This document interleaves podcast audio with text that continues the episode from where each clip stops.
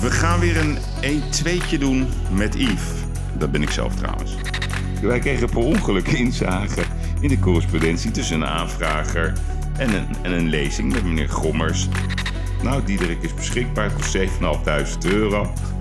Maar nu komt hij. Dat wordt dan allemaal gedaan vanuit de kamer van het Erasmus Universiteit. Hartelijk welkom bij een nieuwe aflevering van The Gigs. We hebben een zaterdag, we hebben een zondag, we hebben een maandag, we hebben een dinsdag, we hebben een woensdag en we hebben een donderdag. Maar er is maar één vrijdag en dat is de vrijdag van The Gigs. Het in tweetje met Yves, met Erik de Vlieger. Ik ga hem nu bellen. Muito bom dia, signor Gairat. Molto bon dia, signor de Vlieger. Uma grande salva de palmas per nos grande amigo Thomas Acta. Querido amigo, estou muito honrado com a música de Thomas Akda. Ah, Voor de luisteraars. Voor de luisteraars. Jij wil een groot applaus geven aan Thomas Akda. En ik zei, ik ben ongelooflijk vereerd dat Thomas Akda, waar ik een grootheid vind, zowel als acteur als als muziekmaker, dat hij voor ons een liedje heeft gecomponeerd. Ik, ik vind het geweldig, Yves. ja, en, en wat zo leuk is, eh, ja, ik weet niet of het een interessant detail is, maar ik, ik, ik zat gisteravond, voordat ik naar op één ging, even lekker in bad. En toen belde Thomas mij op en hij zegt, zo blij dat jullie zo blij zijn met dit lied. Ik heb het gemaakt samen met mijn zoon.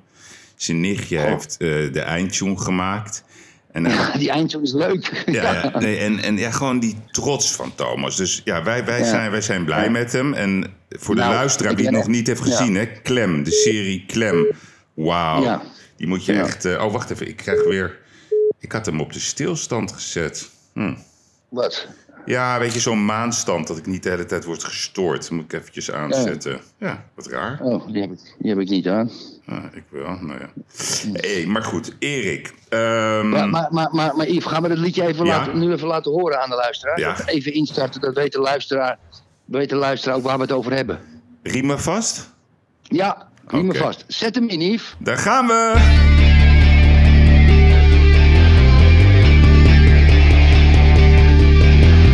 Ik moet soms wat kwijt wat ik vind ervan. Littekens en jeuk, die koester ik maar dan.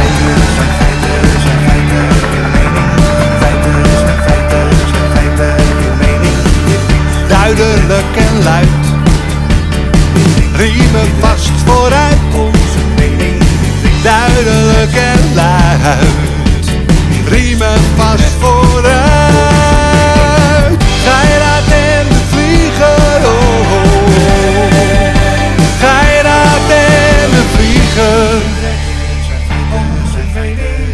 moet soms wat kwijt. Mijn mening. Meer dan 80 jaar ervaring. Heerlijk, hè, Erik? 80 jaar ervaring. 80, ja, maar Tamara vroeg aan mij, 80 jaar ervaring. Ik zeg ja, Erik en ik samen met z'n tweetjes. Ja, in zaken. Ja. Dat klopt, want hoe oud ben jij? ja. 61 man, hij beter. Ja, ja ja, precies. Dus ja, ik, ik schat dan dat jij op je twintigste bent begonnen en ik ongeveer op mijn zestiende, dus dat klopt. Ja. Nou, dan weten de luisteraars ongeveer hoe oud we zijn. Ja. Ik ga even een Unox knakworstje pakken, Yves. Oh, lekker, lekker, Erik. Ja, Unox. Ja, ik, ik koop graag Unox. Nu, nu wordt het koud, mensen gaan schaatsen. Ja. Dus eh, Unox, hè. hey, eh, Yves, oude pik. Ehm, ik, ik, eh, ik, ik, ik, ik zie je de hele week overal verschijnen. Eh, Woensdag zat je bij Kai Gorgels in de podcast. Kai Gorgels is echt een grote gast. Hmm. Zeker op Instagram. Ja. En gisteren zat je, zat je aan tafel bij Op 1. Ja. En dan eh, straalde je een boel rust uit. Hoe was dat? Ja, en het, het kwam eigenlijk. Ik had eh, Bert Huisjes, dat is de baas van WNL. Die heb ik eh, woensdag heb ik die, eh, geïnterviewd voor de podcast van komende maandag. Hij is de uitblinker van de week. En dat was best wel een, een pittig gesprek. En ja, ik sprak hem aan op, op, op het ondernemersgeluid. Ik zeg, ja, dat is het geluid wat ik mis op tv. Dat is het geluid wat ik mis eigenlijk bij WNL. Ik mis ook de positieve toon. We worden bijna overkilled met besmettingscijfers, nou ja, et cetera, et cetera. En toen zeiden ja, je moet eens komen. Ik zei, nou prima. En toen stuurde hij me een appie. Eh, hij vroeg sowieso of jij in eh, Portugal was. Hij had je er graag bij willen hebben. Ik had natuurlijk ook liever Hmm. samen met jou daar aan tafel gezeten. Toen zei hij, ja, ik wil de vrije jongens aan tafel. Maar ja, jij weet ook hoe, eh, hoe tv maken gaat. Er komen negen Ja. tot tien mensen. Die moeten wereldvraagstukken in een paar minuten oplossen. Ja, ja, ja. dus- Het is allemaal soundbites is het allemaal. Hè? Allemaal soundbites. Het is wel jammer dat niemand echt lang de dingen kan uitleggen. Ja, nee, dus dat is nou eenmaal hoe tv werkt. Hè? Want ik, ik voel dan ook een soort honger op Twitter. Dat we voor de kill moeten gaan en dat we tekeer moeten gaan. En ik zou vertellen, Erik, ik reed weg. Hoor. Ik heb maar vier uur geslapen, hè, Erik? Vier uur. Nou, oh, vier uur? nou, maar Yves. Nou, maar Yves. Ja. Daar hadden die ministers, die werken ook zo hard. Die, ah, Yves, heb jij maar vier uur geslapen? Nou, dan houden we het kort, hoor. Ja, dan houden we het kort. Nee, jeetje, maar- jeetje. Nee, maar ik reed, ik reed om eh, kwart over één daar weg. Het was, ik, ik moet je zeggen, ik vind zelf altijd het leukste onderdeel van zo'n, van zo'n bezoekje is de voor, hè, de voor, dat je even met elkaar zit te praten en daarna. Nou, Ja, ik ook. Ja, Eh, ik ook. Vind ik ook altijd Ik leuk. stond heel, heel druk op de weg, want ik, moest om kwart over, ik was om kwart over negen. en Ik was verbaasd hoe druk het eigenlijk was. Dus de avondklok. Mhm. Nou, dat is een aparte interpretatie. Maar ja, toen zat Maar ik zo, daar. was er zoveel verkeer na, na negen uur? Niet normaal. Ja, oké. En om kwart over één was het ook nog druk. Toen knalde nog een ambulance langs me heen. Toen dacht ik, oh, dat zal wel corona zijn. Nee, maar Dus je komt aan. En wat Ja. gebeurde er toen? nou, dus, dus, dus ik, ik zat daar natuurlijk. En ja, is de Westergasfabriek, hè? Ja, Westergasfabriek, waar ook eh, vroeger natuurlijk Amsterdam, eh, Pauw West. en Witteman en, en Jinek Ja. wordt er allemaal georganiseerd. Ja, Ja. en dan komt eh Peridon, die zat er al. eh dan komt de Weerman, kwam binnen wandelen. Toen kwam de, de, die CEO van eh, Pfizer, was er. De- die dame van de NOS, Marleen. Nou, twee Ja, chefs. Erik, ja, die is echt Ja. goed. Die is ook leuk trouwens. Ja, toen Mhm. dacht ik, ik ga me gewoon beperken tot één onderwerp. Want weet je, op het moment dat je echt daar zoveel verschillende standpunten op tafel gaat eh, gooien. Ja. Dat moet Ja. je niet doen. Dus ik heb heel erg de focus eh, gelegd op, op familiebedrijven. Dat vind Ja, ik eh, ja, de dat grondstof. goed. eh, dat vind ik de grondstof van onze economie. Daar moeten we de focus op leggen. Verdienmodellen Zeker. creëren. En Erik, wat me opviel is dat ja, Jort, ja, die waren heel erg graag. Ja, je moet, je moet bam, bam. En denk ik, ja, joh, doe even rustig, joh. Waarom? Ik ben niet de afdeling bam. Als jij vindt dat heel Nederlandse salaris moet inleveren, dan moet jij dat zeggen. Dat is niet aan mij. Ja, dan, moet, dan moeten ze mij maar voor inhuren voor dat soort dingen. Dat weet je. Ja, nee, dat- mocht ik er ook niet meer komen. Hoe vond je Peridon? Ja, kijk Yves, eh, kijk even, even, even, even kort. Ik, ik, ik vind de, wij en, en jij gisteren Hmm. dat wij de familiebedrijven, de grondstoffen, de grondstoffen noemen van de economie. Daar heb je volledig gelijk in. Hmm. Ehm, eh, we moeten natuurlijk heel veel belastingcentjes naar binnen ezelen. En wij merken, en jij helemaal in Nederland, want jij bezoekt familiebedrijven, jij belt mensen op, zijn klanten van je, Hmm. dat hun motivatie een beetje aan het weglopen is om voor in de toekomst uit te gaan breiden, te investeren, eh, zeg maar ambitie niet te hebben. Ja, dat is het probleem. Mensen denken van, nou, hoe gaat het eruit zien? Ik, ik, ik, probeer, ik probeer alleen maar te overleven. En wij merken dat dat ambitieniveau terugloopt. Nou, daar zat je voorbij op één, om dat duidelijk te maken. Dat heb je goed gedaan. Michel Peridon, prima gast, weet je. Dat, dat is een eerlijke kerel, dat is een echte ondernemer. Daar kan je ook nog een beetje mee lachen. Maar die zat naast je alsof hij er een wedstrijd van wilde maken. En ik vond dat Michel jou echt op een verkeerde manier interrupteerde. En, en nou, dan ben jij toch niet van slag te krijgen, want je blijft altijd rustig. En je, bent, je hebt een hele mooie balans had je gevonden om de dingen uit te leggen in een hele korte periode. Maar Michel verstoorde jouw verhaal als zijnde een wedstrijd. En dat stoorde mij weer enorm eigenlijk. Ja, nee, maar dat, kijk, hij, ik had het idee dat het een beetje zag als Dragon's Den. Hè? Dus dat, ja, Ja. dat een soort, soort, soort wedstrijd. Maar dat was Wedstrijd, het, ja. Wat- En, Ja. dat, en het was Ja. natuurlijk ook, ze hadden, kijk, dan komen ze met allemaal van die leaders. En om acht uur, wij gaan uit, dan zetten ze ons met z'n tweeën. En wij gaan uitleggen hoe de economie moet worden opgelost. Ja. En de ondernemers Ja. moeten het regelen. Nee, Ja, en je kan het niet in twee minuten uitleggen. Nee, natuurlijk niet. Maar waar het om gaat, en dat is denk ik wel de kern van het verhaal. Ze moeten niet over ons praten, ze moeten met ons praten. Er moet absoluut een, naast het OMT gewoon een, een heel actief ondernemerssturingssysteem komen. Ik noem dat het doorbraakteam. Grote vraagstukken op tafel leggen en het gewoon gaan regelen, Erik. Want dat is waar het uiteindelijk om gaat. En niet de hele tijd uitleggen, maar een visie ontwikkelen. We moeten de focus leggen op de familiebedrijven. En niet op Ja. Shell, Unilever, Booking.com of Pfizer. Hè? Daar wil ik het ook even met je over hebben. Ja, de Pfizer gaan we het zo over hebben. Maar kijk, wat ik wil ook we- graag weten wat je met die man besproken. Want we hebben weinig tijd vanochtend gehad om iets te bespreken. Eh, maar kijk, weet je, het, wa- wa- wat jouw punt ook, eh, wat je, wat, waar we de dag ervoor over gesproken hebben gisteren, is dat al die teams die, en in praatprogramma's en, en, en, en in, in, in, in overleg. Eh, eh, teams praten. Dat zijn of journalisten met politici en wetenschappers. Eh, en dan komt er af en toe een gassie van een multinational aanschuiven. Nou, multinationals hebben we in principe nu niks aan. De, de, de, de voedsel, de Unilever doet het aardig. Shell betaalt toch geen belasting in Nederland. Google die, die stuurt al zijn geld naar de Bermuda. Daar gaan we ook zo over hebben.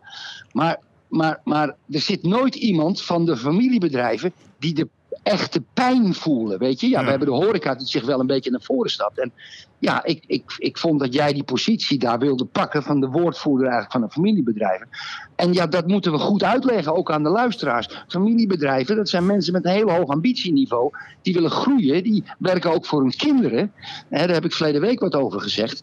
En, en, en die moeten dus, als dat coronavirus voor een groot gedeelte onder de, onder de duim wordt gehouden, die moeten ervoor gaan zorgen dat we naar voren stappen, meer zaken gaan doen, meer investeringen, eh, gewoon het ambitieniveau. En dat ebt helemaal weg. Ja, nee, Pfizer, de man van Pfizer. ja. Dus ehm, Dat, dat- kwam... ik, je, je, je wilde hem een beetje, je, ja, je zat achter hem, zag ik. Ja, ja. Dat was jammer. Dat vond ik jammer, want ik, eh, ik zou oorspronkelijk had ik begrepen dat hij gewoon met mij aan tafel zou zitten. Ik had natuurlijk eh, de hoofdvraag eh, had ik voor me. Van goh, Ja, 15 miljard extra omzet met Pfizer. Waar valt de winstbelasting? Ja, dat in had- welk land? Ja, had ik hem, Ja, had ik hem ja. heel graag willen vragen. Maar voor de uitzending, toen zeg ik, leg mij nou eens uit. Hè, dus de mooiste gesprekken vinden altijd plaats, helaas, voor de uitzending en na de uitzending. Ik zeg, leg mij nou eens uit dat hele principe van dat vaccin. Want ik snap het gewoon niet. Er zijn zes vaccins.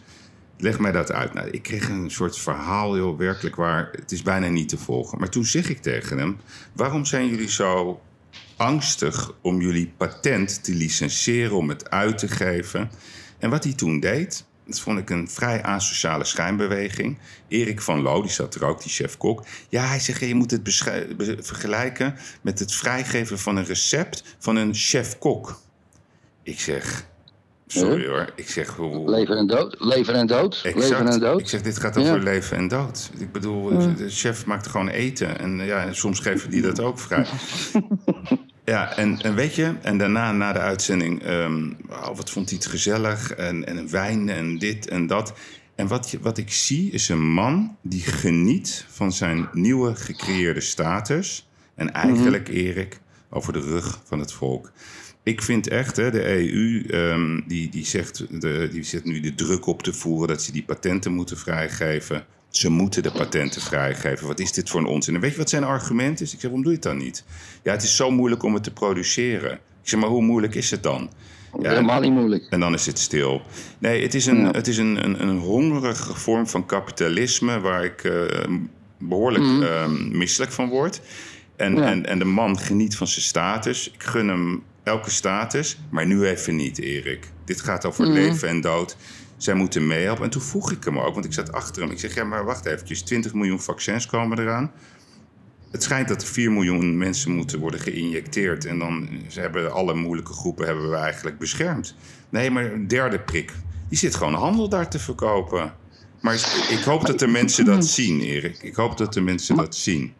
Nou, ik denk dat de meeste mensen het wel zien, Yves, maar ik vind het een beetje verontrustend Ja, dat hij zei, ehm, daar moet ik even over nadenken, die is nieuw voor mij, dat hij zei, je moet het vergelijken met een kok die zijn Ja. recept niet kwijt. heeft hij letterlijk gezegd. Dat, is, dat Ja. vind ik toch wel een beetje behoorlijk de weg kwijt, Yves. Ja, dat vind ik ook. En, en ehm, ik, ik heb erover nagedacht, zou ik dit nou wel of niet zeggen? Snap je? Want je zit daar dan zo met elkaar Ja. te praten. Ja. Denk ik, ja, ik ga dit gewoon zeggen. Ik wil dit gewoon met jou bespreken. En dat, dat, is, ook, dit- dat is ook het fijne van de podcast. Weet je? ja. Maar weet je dat dit een krantenkop kan zijn? Dit is een krantenkop. Pfizerbaas, dubbele punt. We geven het recept niet weg, want het is net als een kok die zijn recept niet kwijt wil geven. Ja.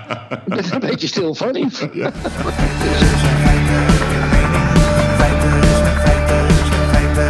Oké. Die EU, hè, waar, die zouden we ook nog over praten, maar dan schuif ik even naar voren als het mag. Ja. Ik zat vanochtend, ik was heel vroeg op, ik zat nog wat research te doen. En omdat het, dat is zo'n zootje bij die EU, ja, dat is zo'n ongelooflijk zootje. En er was vanochtend een bericht van Reuters, Amerikaanse Reuters. En ja, dat, dat, ja, dat, kwam, er eigenlijk, dat kwam er eigenlijk op neer dat ze die, de, de afdeling daar die dat allemaal doet over die vaccins, die zijn desperate. Dat woord werd gebruikt. Ja? Het falen van de inkoop door Ursula van Leyen, dat zeiden ze bij, bij Reuters. Hè? Ze hebben miljarden al uitgegeven.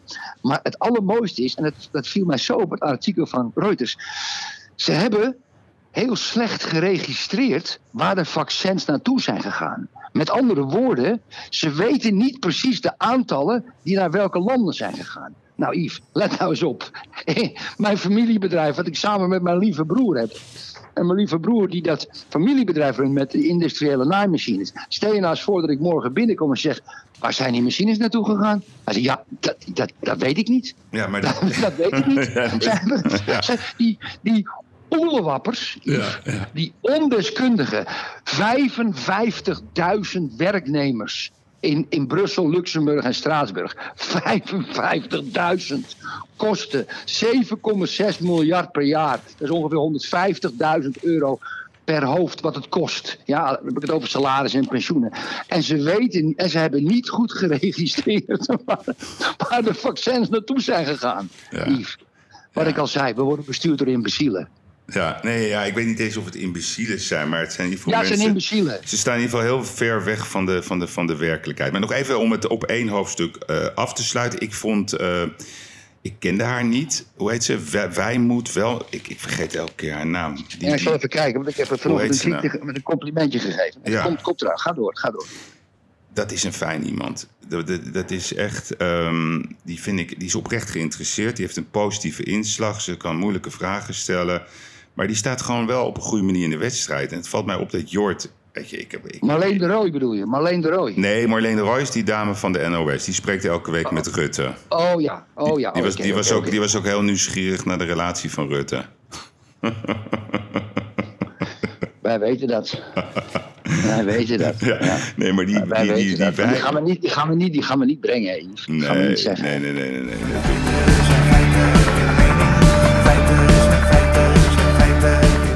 Maar, maar Ik die, heb nog die- een bevestiging gekregen ook van diezelfde snuit. Ik zeg, is het echt waar? Zeg, ja. ja. Want hij vond het wel leuk dat ik het niet bracht. Maar Ah. goed, eh, ga door, sorry. Ja. Nee, maar zij, ehm, ik vind, dat, dat vond ik een, een hele leuke. En ook die van de NOS, die trouwens ook eh, al die nieuwtjes van ons volgt. En eh, nou, we, komen, we komen straks weer met een paar hele leuke nieuwtjes. Maar Ja. het, het is waar de behoefte ook aan is, en dat is het brein. Weet je, en dat is, daarom vind ik jouw pleidooi goed. We staan ochtends op, we moeten bedrijven leiden. We moeten niet in die overlevingsmodus, we moeten gewoon in de ambitiemodus. En we moeten wat Ja. meer servicegericht. Hè? Voordat ik hier eh, naar de studio liep, belde Won Jip me nog even. Die had ook zitten kijken gisteren. Ja, die had ook daar aan tafel moeten zitten. Die leidt ook bedrijven die gebaseerd zijn op dienstverlening, op positiviteit, op gastheerschap, Ja. op loyaliteit.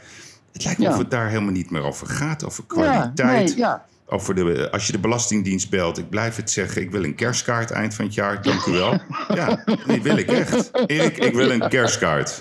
Kerstkaart, dank u wel. Ja, goed Ja, gedaan, ja, meneer Gerard. Goed gedaan, meneer de En niet, Vlieger. in een, en niet in een blauwe envelop. Nee, Ja. precies. In een, in een mooie. kijk, ja, maar ik, ik, ik zeg het je ook. Ik, ik, heb, dat, ik heb het in een van de vorige podcasts uitgelegd. De, de, de, ik, toen, ik, toen de COVID kwam, toen ben ik natuurlijk geschrokken en ben ik, in, in, ben ik mijn bedrijf gaan beschermen. Maar ik, binnen een paar weken dacht ik ook van, hé, hey, wat gaat er tijdens COVID gebeuren? Hoe kan ik daar als zakenman beter van worden? Ambitie. Ja. En, hoe, en aan het einde van de rit, waar wil ik dan staan? En heb ik nog wel zin om, om aan te gaan vallen, mijn bedrijf te vergroten, meer winst te maken, dingen mooier te maken? Dat is, dat is een familiebedrijf. Kijk, een multinational heeft werknemers en die kijken naar een salaris en een bonus. Prima, moeten ze allemaal zelf weten. Maar jongens zoals jij en ik en talloze familiebedrijven die de echte motor zijn van de economie, die denken zoals jij en ik. Ja. Snap je? Nee, maar het is ook, en laten we ook invloed uitoefenen waar we invloed op uit kunnen oefenen. We hebben het de hele tijd over de hele wereld, maar volgens mij zijn wij gewoon een klein landje met 17 miljoen mensen. Laten we nou zorgen dat we het hier op orde hebben. al dat gedoe en al die discussies over China en Zweden en Mongolië en Rusland en Amerika. Laten we het hier nou gewoon op orde brengen. Laten zien dat we wel degelijk bij de beste jongetjes van de klas uh, horen. Oh, we Erik, we hebben een brief geschreven aan Mark Rutte. Die gaan wij volgende week publiceren. Ja. En daar staat onze, onze uitnodiging voor onze minister-president in. Oké. Ja, De persconferentie. En we, zeggen, en we, zeggen, niet waar hij een relatie heeft in die brief. Nee. Want het gaat ons niks aan. Helemaal niks. De, persconferentie. Ja, toch even kort. Wat heb je gezien? Ja, nou ja, ja, natuurlijk heb ik het gezien, Yves. Kijk, eh, daar wil ik wat op zeggen. Ik heb twee zinnen uit. uit, uit, uit ik heb notities gemaakt, maar twee zinnen. Eh, wat Hugo de Jong zei, hè, wat Rutte, wat hij zegt, dat is, die is Teflon, die, die pak, pak je toch nergens op. En, en Hugo zei, die zei, we moeten de weg terugvinden naar een zo normaal mogelijk leven. Ja, ja een normaal mogelijk, weet je. Dat vind ik dat vind ik eigenlijk een soort van tekst van nou, het wordt, nooit zo meer, het wordt niet zo meer als vroeger. Hè? Dus we moeten wel een beetje allemaal oppassen. En Hugo zei, en Hugo is natuurlijk de prutser van de bovenste plank. In alle facetten, die, die kan niks. En daar ga ik zo weer over zeggen. Maar hij zei: We doen alles wat in ons vermogen ligt. Maar hij heeft geen vermogen. En toen gebeurde er iets raars. Ja? Na die persconferentie heb ik en op één en bij Jinek werd Hugo de Jonge opeens, kwam uit, het lucht, uit de lucht gevallen bij die praatprogramma's, werd Hugo de Jonge beschermd. Een tekst van Tom Jan Meus van de NRC. Ach, zei hij, al die kritiek, het is ook een beetje democratie. Een beetje democratie. En Oscar Axel, onze knuffelturk, ja, die, die zei het volgende over Hugo de Jonge. Hij heeft een baan waar hij niet voor heeft gestudeerd. Dus hij kan er ook niks aan doen. Nee, sukkel. Nee, sukkel, Uskan. Daarom moet hij er niet zitten, omdat hij er niet voor gestudeerd heeft. Hij heeft geen verstand van logistiek. Flapdrol. En toen kwam Sander van der Wulp, onze NOS, knapste NOS-reporter die we hebben, mannelijke, uh, als mannelijke versie dan. En daar heb ik hem op aangevallen op Twitter. Ja, of niet, ik heb een tweet over hem gegeven. En toen kwam hij terug om te pareren. En die zei: Sander van der Wulp ergert zich af en toe aan de felheid richting Hugo de Jonge. Dat een NOS-journalist dit zegt, is ongelooflijk. En als klap op de vuurpijl, dan sluit ik af, kwam Gert-Jan Segers. Met zijn zalvende woorden en zijn statuur alsof hij een lantaarnpaal heeft ingeslikt. En zei, ja, het is de jongen gewoon overkomen. Maar ze werken zo hard. Yves, ja. is afgesproken werk. En, in, en in het debat over die, over die de datalekken werd hij ook niet echt, ja, door Wilders wel, maar werd niet echt aangepakt. Hugo de Jonge wordt door zijn incap, hij is zo incapabel. En opeens wordt hij van ene op de andere dag, en dan gaan ze allemaal die neus in dezelfde richting, gaan ze hem allemaal helpen. Wat is dit? Nou, dat is heel simpel. Want als je, als je het debat van gisteren hebt gezien. Daar ging Rutte uh, even zo de, hele ministersploeg uh, opeens opnoemen en bedanken en prijzen. En hoe geweldig ze allemaal niet zijn. En, nu komt, en, en de verkiezingen, Erik. Ja, dat heeft Jaapie van Dissel gezegd. Ja, dat, hij, hij roept gewoon letterlijk dat die derde golf... ja, dat gaat ongeveer tot 15 maart, 17 maart duren. Nou, nou, nou, nou. En het schijnt dus dat, dat die, die, die Rutte, die is een enorme fan van Van Dissel. Dat, dat, dat wist ik niet, maar dat, dat schijnt dus gewoon... Hij, hij, vindt, het, een, hij vindt het een geweldige man. Uh, wij hebben ook, ik heb ook een leuke voicemail hè, straks voor, uh, voor Jaapie. We hebben nog steeds onze onvermijdelijke vragen... waar we nog steeds geen antwoord op hebben gekregen. Die, gaan we, die gaan we lekker vandaag afspelen. Ja, ja, ja. ja. Of zal, ik, hem nu gewoon, zal ik hem nu gewoon gelijk even afspelen? Dat jij Jaap van Dissel gebeld heeft, hebt? Met een voor hem op maat gemaakte voicemail. We gaan er even naar luisteren. Beste Jaap, geachte heer Van Dissel. Dit is een speciale voicemail van Yves Geirat. Voor u. Ook namens Erik de Vlieger, namens onze podcast X en ook namens al onze luisteraars. Voor ons bent u op dit moment de grote niet benoemde leider van Nederland. We volgen allemaal de richtlijnen van het RIVM en we hopen allemaal dat er goede keuzes worden gemaakt en waar we vooral op hopen is een objectieve bril. Over deze objectieve bril. Op 13 november van vorig jaar bespraken we in onze podcast een hardnekkig gerucht. Is het waar dat u in het voorjaar van 2020 6 miljoen euro van uw vermogensrekening heeft laten allokeren aan een andere rekening. Dat vinden wij een fors bedrag en we zijn nieuwsgierig naar de herkomst van dit bedrag. Ik neem aan dat u dat begrijpt. We zijn ook nieuwsgierig naar de plotselinge allocatie. We hebben daar heel veel mails aan gewijd, telefoontjes en zelfs een aangetekende brief. Geen reactie. Mogen wij u nog één keer vragen alstublieft te reageren? Het zwijgen baart ons zorgen. Dank voor uw vriendelijke medewerking. Yves Geirat en Erik de Vlieger. Ja, dus eh, ik ben benieuwd of hij eens een keertje antwoord gaat geven over onze 6 miljoen uh, euro vraag. We hebben hem nog steeds niet beantwoord gekregen. Maar jij... ik, heb nog, ik heb nog de Universiteit van Leiden een mailtje gegeven maandag. Heel lief. En ja. geachte meneer Van Distel, zou het zo prijs stellen als u antwoord geeft. Het staat zo slecht dat er een gerucht ontstaat dat u 6 miljoen euro geallockeerd heeft bij een andere vermogensbeheerder. Op een mm, beetje spannende datum. Met vriendelijke groeten, Erik de Vlieger, Yves Geirat. Ja, nou. We wachten het af. We hebben alle geduld, toch? We hebben geduld, we hebben geduld. Nee, 6 miljoen is wel veel geld, Yves. Ja, dat is ook waar. 12 miljoen, hè, bruto. 12 miljoen bruto. Hé, hey, maar Erik, ehm, ik ben het eens met je, oh. met je analyse van de persconferentie. En, mm, en tweede, ik vond ze een beetje moe. Het leek wel of ze verslagen waren. Ik vond ze een beetje depressief. Denk ik, jongen, jongen, laten we nou eerlijk zijn. Hè? In maart en zo, of in mei waren we heel positief. Toen zag het er al, geweldig. Maar volgens mij is er juist nu reden om positief te zijn. Want we weten wat het probleem is. De logistiek hebben we nog niet orde, op orde. Nou, daar hebben we al honderd discussies over gehad. Maar volgens mij kunnen we gewoon uh, over een paar maanden kan het gewoon weer gaan gebeuren. Maar ik vond toch die opmerking, ik stelde die man die vraag. Ik zeg, nou, als ik het goed begrijp, ik krijg 20 miljoen doses. Dan kunnen we toch gewoon in mei of zo open. Nee, derde vaccin. Het is gewoon handel, Erik. Maar de mensen hebben het door. Het leeft wel degelijk onder de mensen. Kai die vertelde ook tegen mij: we moeten gewoon een uh, we moeten burgerlijke ongehoorzaamheid had hij het over. Ik zeg, nou, ik weet niet of dat verstandig is. Maar er gaat een grote dag van, uh, van, van, van, van, van, zeg maar, van, de, van de mensen komen. Op een positieve manier. Misschien fietsend door Nederland. Dus ja. Ja, kijk, kijk weet je, kijk. Ik, nee, ga door, sorry Yves. Ja, nee, maar ik had het met hem erover. Ik zeg, joh, ik zou het best wel in Amsterdam willen gaan organiseren. En dan vertrekken we gewoon in, bij de RAI. En dan gaan we allemaal op de fiets. We, we, laten zien wie we zijn. We laten gewoon horen dat we leven. We leven. We zijn er nog. Ja, en dat is uiteindelijk het volk, weet je, dat we gewoon ja, wel, zijn. Maar we moeten wel even... Kijk, wat wil je afdwingen? Wij willen afdwingen dat familiebedrijven aan tafel komen Dat is het. Ja, dat willen we afdwingen. Ja, en we kunnen, kijk, kan je allemaal wel in de rij gaan staan. Maar we kunnen ook voor een kwartaal geen btw meer betalen. Ja, nee, maar dat is het gevaar wat ze hm? lopen. En dat, uh... Ja, zo van jongens, dat gaan we eens eventjes doen. Ja, kijk, ik krijg op Twitter natuurlijk allemaal mensen die zeggen... ja, we moeten naar het Binnenhof marcheren. Ja, Binnenhof marcheren. Ja, het heeft en, er is iemand, en er is iemand anoniem die dat tegen mij zegt. Ik zeg, maar, je durft je eigen naam niet te geven. Denk je dat je meeloopt? Ja, Ga lekker spelen, maar, dat, maar dat heeft allemaal geen zin. Kijk, als je, je hebt het over belastingen. Heb je, ik heb hier van onze huiskrant uh, het Financieel Dagblad, hè? Voorpagina ja. van vandaag. ja, vertrouwenscrisis bij, maar het is wel interessant dit. Vertrouwenscrisis bij fiscus door aanpak toeslagenaffaire. En dan is er intern appverkeer. En daar staat letterlijk in die apps: ik voel mezelf als ambtenaar door de politiek gediscrimineerd.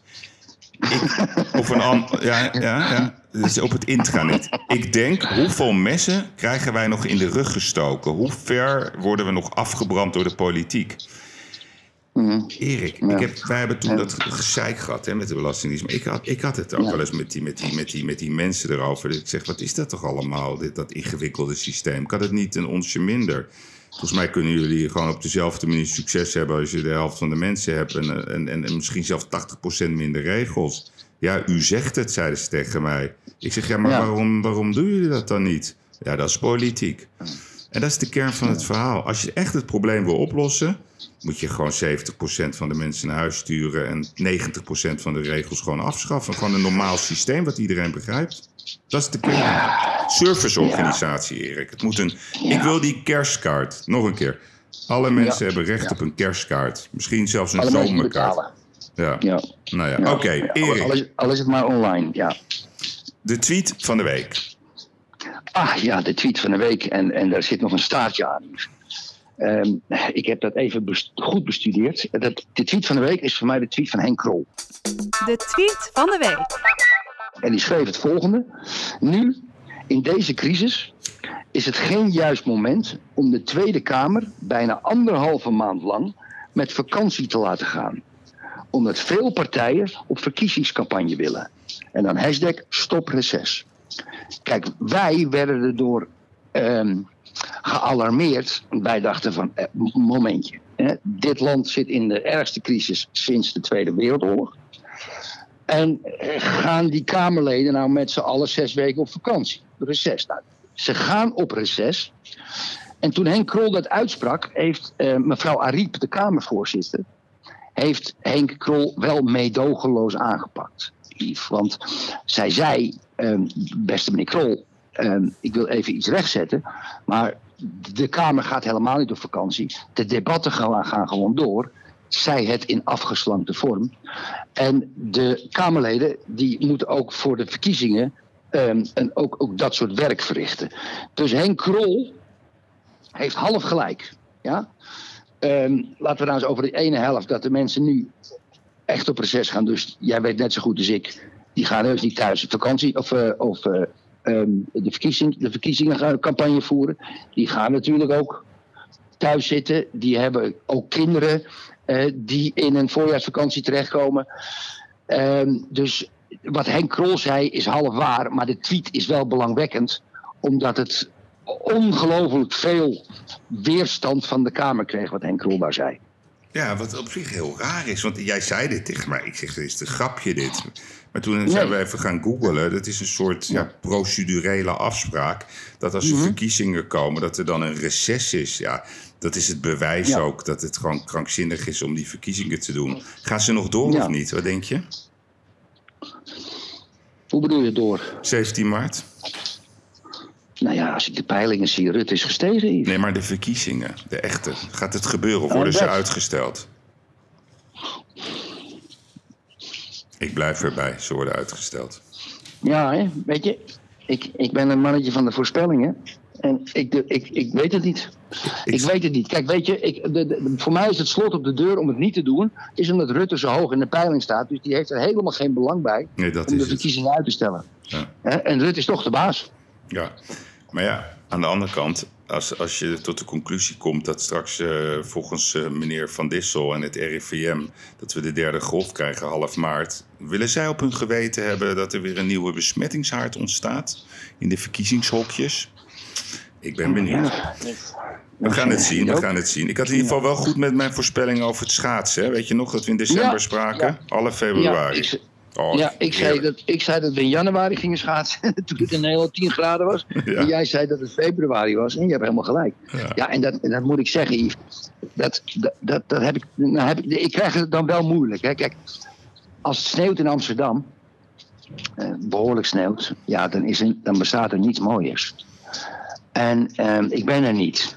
En ik, ik zit natuurlijk ook het weer, ik zit ook de weerkaarten te bekijken en, en de voorspellingen. En dan heb ik, dan heb ik wel heimwee hoor. Dan heb ik wel heimwee. Lekker met mijn kleinkinderen op de, de sleetje lachen. Ah, zie je- heerlijk man. Ik, een sneeuwpop maken. Heb ik, met mijn heb ik met die kinderen van vroeger, mijn kinderen toen ze klein waren, ook gedaan. Jongen. We hebben zoveel schik gehad met sneeuw. En, eh, en dat ga ik nu missen. Ik zeg ja, ja ik, ik, ik kan ook niet weg nu, want je moet, wat, wat voor test je allemaal moet doen, daar ga ik zo nog wat over vertellen. Van idioterie, maar dat, dat is toch wel een beetje moeilijk. hier. Nee, ik kwam gisteren thuis. Ik heb lekker eh, de Noren uit de kelder gehaald, uit het eh, vet. Ah. En, ja, ik weet niet of ik het nog kan. Het is alweer een tijdje geleden. Maar Ja, kan, jawel, kan, kan, 10 minuten. Ja, verlies je niet. eh, Binnen verleer 10 je minuten. niet. Alleen je bovenbeenspieren zijn natuurlijk, die moet je, die moet je nu eventjes een beetje... Maar die zijn sterk hoor bij mij, Erik. Oh, je sport ook veel, hè? Ja, nee, daarom. Nee, ik heb er zin in. Ik verheug me erop. Dus eh, ik denk dat er één grote gezelligheid wordt. Daar, daar zijn de mensen aan toe. Dat denk ik wel. Ja. hey, Erik, we hebben een nieuwe rubriek. We gaan We pingpongen. gaan pingpongen! ja, daar gaan we. Pingpongen. Nou, we Ja, gaan er maar leuk. lekker voor zitten. Pingpongen met Erik en Yves. Oké, ik begin. Wie begint? Nee, ik Ja. heb. Fouten, fouten maakt niet uit als je ze maar toegeeft. Nou ja, het ligt een beetje de hoogte van de fout. Dus eh, ik ontsla mensen, ik ontsla personeelsleden niet als ze een fout maken. Ik ontsla personeelsleden als ze een fout maken en mij die fout niet vertellen. Dat is Ja. heel simpel. Want jij je had dat hè, vanochtend. Ik heb iemand moeten ontslaan. Ja. Ja, eh, heel vroeg. Die, die, die heeft een verschrikkelijke fout gemaakt. En ehm, ehm, die wilde het ook niet toegeven. Het is al een paar keer gebeurd natuurlijk. En ik heb gezegd, bemoei je er nou niet mee. Laat mij dat nou afmaken. Het is een grote deal. Bleef diegene maar tussendoor murmen. Dat had ook met haar eigen commissie te maken. En toen heb ik gezegd, dit is het. Ja, ik, eh, ja, ik heb hem moeten ontslaan. Eh, helaas pindakaas. Yves, Ja, maar ik bedoel het eigenlijk meer het, het- de nieuwe excuusnorm van Hugo de Jonge. En goh, wat goed zeg, Ja. wat sympathiek. Ja. Ja. we hebben het niet Ja. op orde. Ja, hou eens op zeg. Hou op. ja. Dus Ja, maar heel, heel, heel lief voor om elke keer te zeggen, ja sorry. Maar ja, ik weet niet of het zo werkt als wij dat soort fouten maken. Oké, Klopt. jij bent. Rusland. Wat vind jij van die Navalny? Dat hij 3,5 jaar de lik in is gegaan. Ja, nou ja, hij moet geloof ik 2,5 jaar de bak in. Hij wordt naar eh, Siberië gebracht. Ja, dat is Rusland, Erik. Kijk, het is heel simpel. Je hebt Jack Ma in China. Die, die, die dacht dat hij eh, groter is dan de overheid. Nou, die hebben ze gewoon... Alibaba. eh, ja, Alibaba. Alibaba. Die hebben ze opgepakt. En die hebben gewoon Ja. gezegd... Joh, je moet nu gewoon je mond houden, anders dan kom je nooit meer vrij. Die past Ja. zich aan. Kijk, Navalny is natuurlijk wel een held. Alleen is het slim? Ik denk het niet, want hij zit nu... We hebben het gezien toen met Godorkovsky. Die is toen ook naar, Siberië gestuurd. Dat was een multimiljardair. Die wou Poetin wegsturen. Het is heel simpel. Poetin is gewoon groter dan dit soort figuren. Ja, en daar kan je het mee eens zijn of je kan niet mee eens zijn. Alleen, hij, hij doet de wedstrijd niet handig. Hij denkt dat hij het hele volk kan mobiliseren. Dat hoorde je ook. En de, de Russen zijn ook echt boos. En Weet je, hij heeft mijn sympathie. Maar het is geen slimme strategie. Want hij zit nu 2,5 jaar in Siberië. En wees Als niet... hij het overleeft. Als, hij het Als hij overleeft. het overleeft. En wees niet Ja. verbaasd als ze het gewoon rustig verlengen met tien jaar. Dus het is, Ja. het- ja, het is bikkelhard. Ehm, ik heb heel veel sympathie voor deze man. Alleen, ik vind het niet handig van hem. Het is geen handige strategie. Het is heel stoer om op de barricade te gaan staan. Maar je moet wel een plan hebben. En je kan niet winnen van de staat, hoe graag je het ook zou willen. Jij hebt het een keer geprobeerd, weet je nog, met die locatie. Met die locatie waar jij je miljonairsfair wilde houden. Met die gasten met die Kalashnikovs. Ik weet niet of je dat kan vertellen. Ja, nee, Vind ik kijk, een mooi verhaal. ja, nee ik, ik weet... Weet je dat nog? Ja, ja, nee. Wat bedoel je? Dat de eerste keer toen ik in Rusland eh, mijn ronde ging Toen, doen? jij, to- toen je naar het pand ging, toen je naar het Ja. pand werd gedirigeerd, waar zij wilden dat jij die miljonairsfair ging organiseren, Ja. maar wat je niet hebt gedaan. Ja. Dat die gasten met die Kalashnikovs er stonden. Om je te intimideren. Ja, nee, dus ik, ik, ik werd uitgenodigd. Dus ik, had een, ik ging een rondje doen. Dus ik voor het eerst naar Moskou. Nou, dus ik eh, sliep in het Kempinski. Nou, dan heb je zo'n chauffeur, is allemaal perfect geregeld. En we gingen van gebouw naar gebouw. Dus ik kom op een gegeven moment in zo'n oud, eh, ja, Russisch Pravda-gebouw. Werkelijk waar, daar wil je nog niet dood aangetroffen worden. Ik, als ze me geld toe hadden gegeven, dan had ik het niet eens gedaan. En ik word naar zo- zo'n kamer geduwd en er zit zo'n man... Ja, echt op grote afstand aan zo'n tafel. Naast hem zit een tolk en die man zit me heel intimiderend aan te kijken. En dan kwamen op een gegeven moment ook twee gasten met Kalashnikovs een beetje zo naast me staan. Ja, en ja, wat is je, wat is, dus die vrouw zegt, ja, je moet, je moet even je plan vertellen. Dus, dus ik spreek eh, op dat moment niet heel goed Russisch. Dus ik zeg, ja, hoe bedoel je plan vertellen? Ik zeg, ik ben hier gewoon op oriëntatie en ik ga bepalen waar ik die beurs ga organiseren. Nee, nee, zo werkt het hier niet. Ik zeg, oh, vertel mij dan even hoe het werkt. Ja, u moet uitleggen wat uw plan is. Ik zeg, nou, dan wordt het een heel kort gesprek. Want ik ga helemaal niet uit zullen leggen wat mijn plan is. Ik, ik wil gewoon weten, Erik, ik wil gewoon weten wat jullie voorwaarden zijn. En dan ga ik nadenken of ik het wel of niet hier ga doen. En vervolgens vertaalt zij wat ik zeg. Dus ik zeg, zeg dat maar tegen hem. Ik zeg, dat moet je letterlijk zo vertalen. Nou, dat deed ze natuurlijk niet. Maar op een gegeven moment komen die gasten met die Kalashnikov... die gaan echt zo naast mij staan, zo. Ik bijna dat, bijna dat ding in mijn gezicht.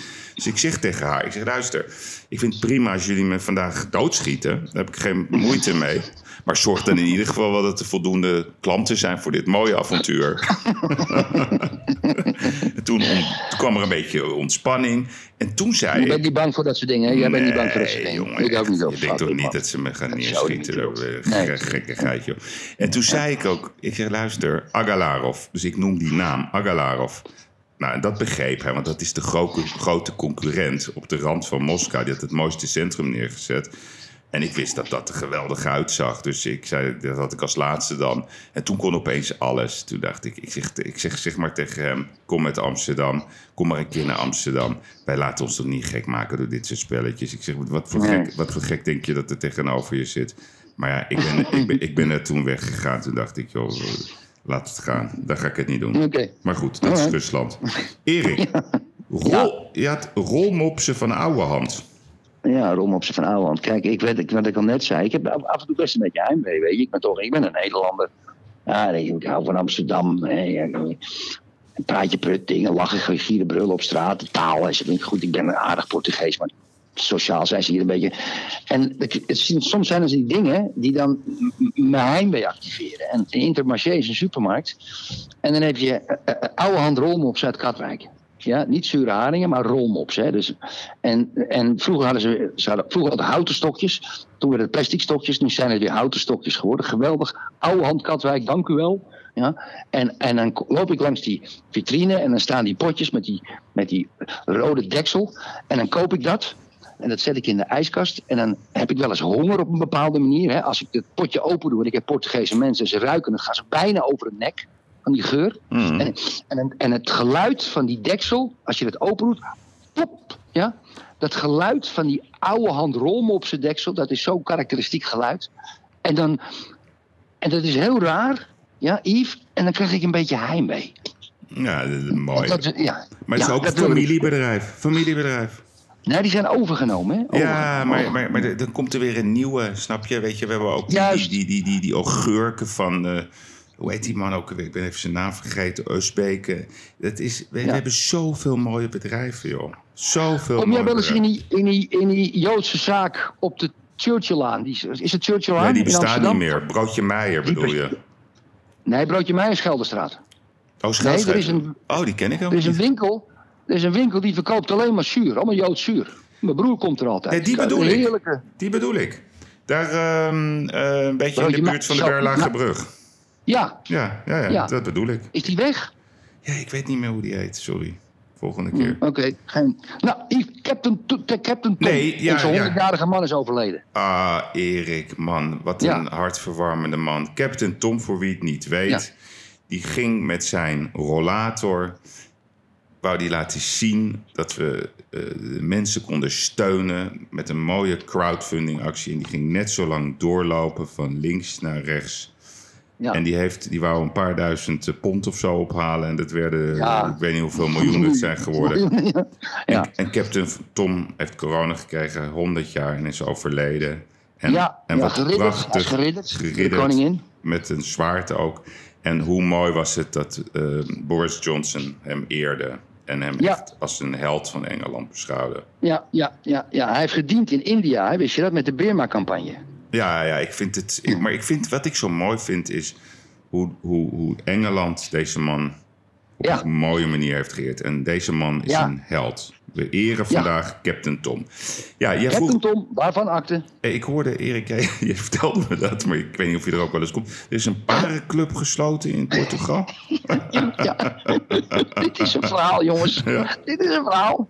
Ja. Er, is een, er is dus COVID, alles gesloten, mag niet. En de politie kreeg een tip. In een stad ergens in het noorden. De politie kreeg een tip dat er in een parenclub gewoon. Ja, dat was gewoon een parenavond. Ja, zwiggers. Allemaal mensen in een soort halve orgie. Of hele orgie, ik heb geen idee. Maar wat gebeurt er? En waar, waar, is, allemaal- waar is die, die parenclub? ja, die plaats kan ik me niet meer herinneren. Ergens in het noorden, bij Porto in de buurt. En, en op een gegeven moment, de, de, de, dat de politie wordt getipt, maar de media wordt ook getipt. En dus er stond een, een, een, een cameraploeg van de Correo de Manja en, dat- en alles is gefilmd. En de mensen die uit de parenclub kwamen, die werden ook gefilmd. dus, dus je kan je voorstellen, je, gaat, je zegt tegen je vrouw... Schat, ik, ga, ik, heb, ik blijf vanavond. eh, ik heb een belangrijke zakenbespreking. Ik kom laat thuis. Je gaat met je minnares naar een parenclub. en je vrouw zit om 11 uur het nieuws te kijken. En die ziet jou uit die parenclub komen met een vrouw.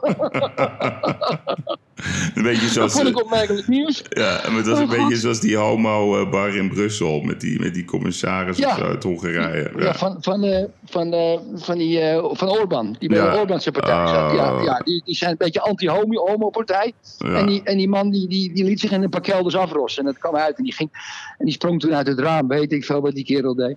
Oké. Oh, oh, oh, wat prachtig. hey, Ajax. Ja, Erik.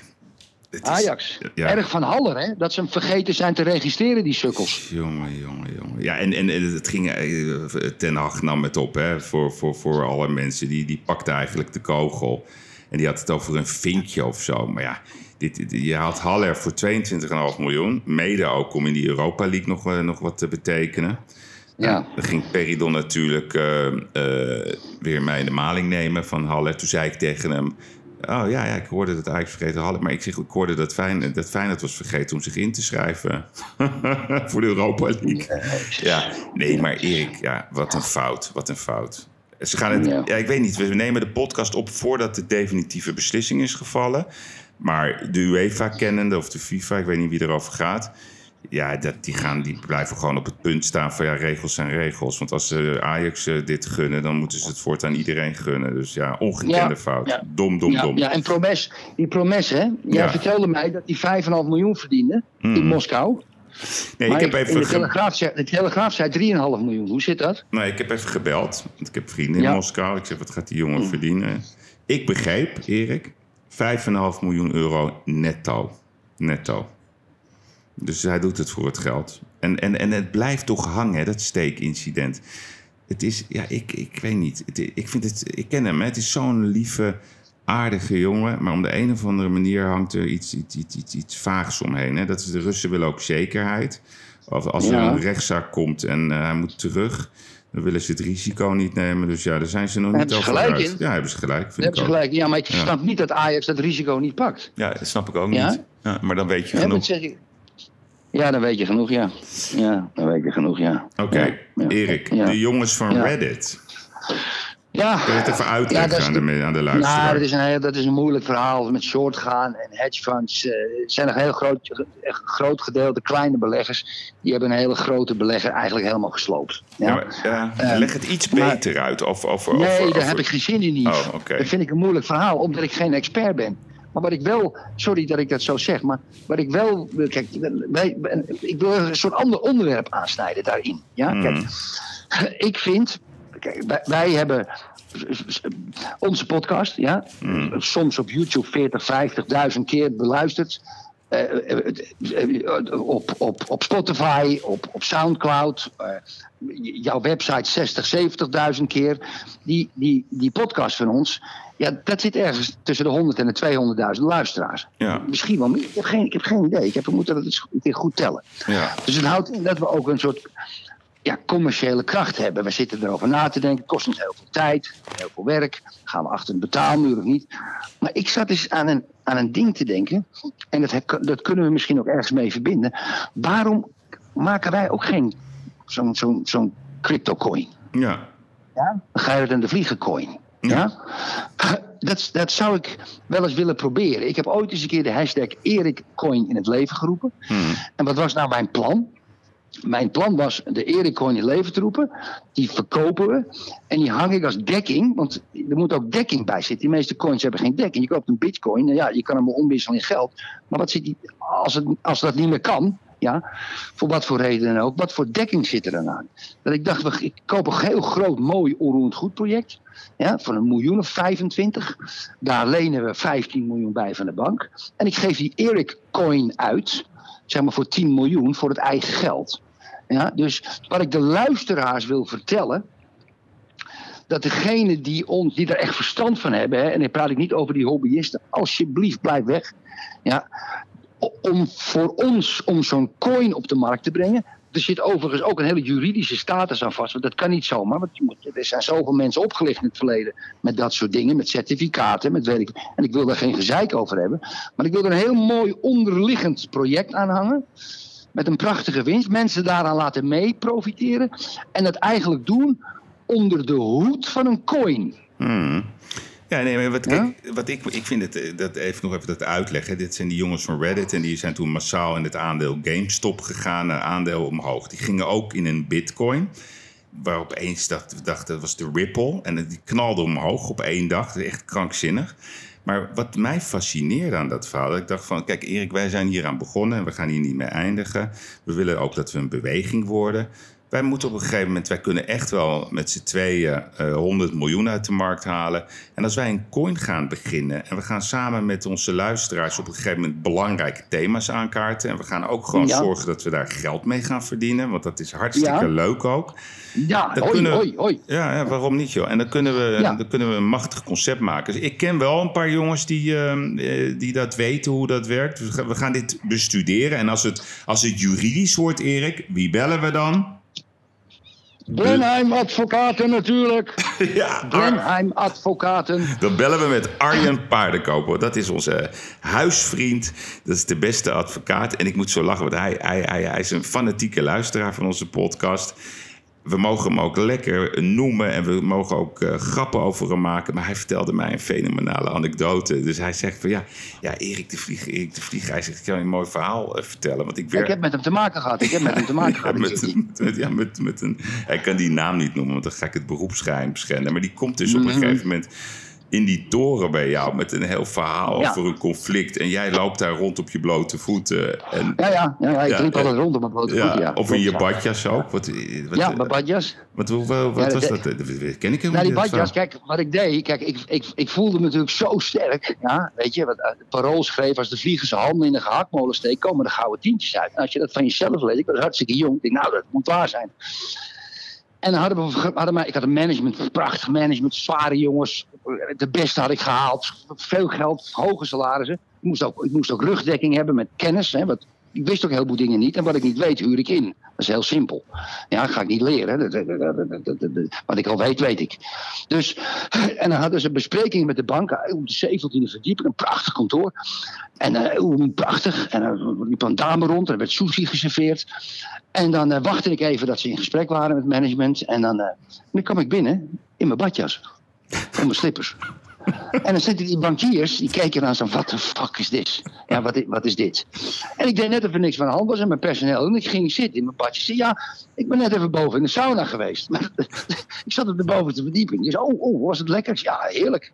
Ja, heerlijk even in de sauna. Ik zei, jongens, hoe ver staat het met de deal? En dat was ik, dan bracht ik ze in een beetje in disbalans. Dat zou ik nu niet meer durven trouwens. En als ik het in Portugal doe, ga ik de gevangenis in, denk ik. Of in een gekkenhuis. Maar dat deed ik, dat soort dingen. Maar met Blenheim, die, die jongen heb ik te maken gehad. Overigens een heel goed advocatenkantoor. Ja, nee, Uitstekend. Nee, ja, het is uitstekend. Maar hij vertelde mij dus dat, dat hij kwam daar met een, met een, met een, met een vrouw. Ja, die zat een heel verhaal te vertellen. Een andere advocaat. En jij zat naar die vrouw te luisteren. En die, kreeg- je kreeg een visitekaartje van, van haar. En je vond het zo'n lulverhaal. Ja. Je pakt dat visitekaartje, maakt er een vliegtuigje van. Je gooit het naar Ja. haar toe. En je loopt gewoon weg. ja, heerlijk. Ja, erg hè? Ik schaam me er wel voor. Ja, nou ja. Ja, nee, ik weet nog wel wat ik zei. Ik zei, ik, ik, nee, want ik moest, ja, ik, ik, maakte, ik pakte haar kaartje aan en maakte een vliegtuigje. Ik gooide het niet naar haar toe hoor. En, en ik gooide dat kaartje en toen zei ik, ja, ik, ik waardeer mensen altijd op de kwaliteit van hun eh, visitekaartje. Mm. En, en, en, en, en die kwaliteit, die, die doe ik altijd. maak ik een vliegtuigje van. En hoe langer die vliegt, des te beter de kwaliteit van het visitekaartje is. En dit, deze vliegt niet lang, dus ik ga weg. ja, allemaal dat soort onzin. Oké. Hey Erik, ehm, Kaag, Sigrid Kaag bij Dit is M. Ik vind Ja. het, mag ik even, even een korte toelichting voor de luisteraar? We hebben het al Ja. een keer eerder gezegd, maar er zijn ook nieuwe luisteraars. Het programma M wordt geproduceerd door de vrouw, huisvriendin, ik weet niet hoe ik het noemen moet, van Kasia Ollongren. En daar zat ze weer bij M. Nee, nee. Het is D66, omroep is het. Ja, maar het- Kijk, het begint en er één ding wat schaamte zei. is voorbij, Erik. Schaamte voorbij. Kijk, D66 wordt zo geplucht, dat is niet normaal. Dat komt natuurlijk omdat veel van die programma's, die redacties, de- de- D66'ers zijn. Ik bedoel, VPRO-voorzitter is, is, is, een, is een campagnemedewerker, was een campagnemedewerker van de D66. Het is allemaal D66 in de media. Martin Bosma van de PVV zegt dat perfect. Maar wat Kaag zei, hè, Kijk, die had het opeens over kansengelijkheid. Hè? En toen zei ze, en toen zei ze, je wordt uiteindelijk wat je is gegeven. En daar bedoelde ze mee, in het verhaal wat ze ervoor vertelde, dat haar ouders best centjes hadden. En die konden voor haar een keuze maken of ze naar Cambridge, Oxford Ja, of in verteld, Exeter ging studeren. Dat heeft ze ook.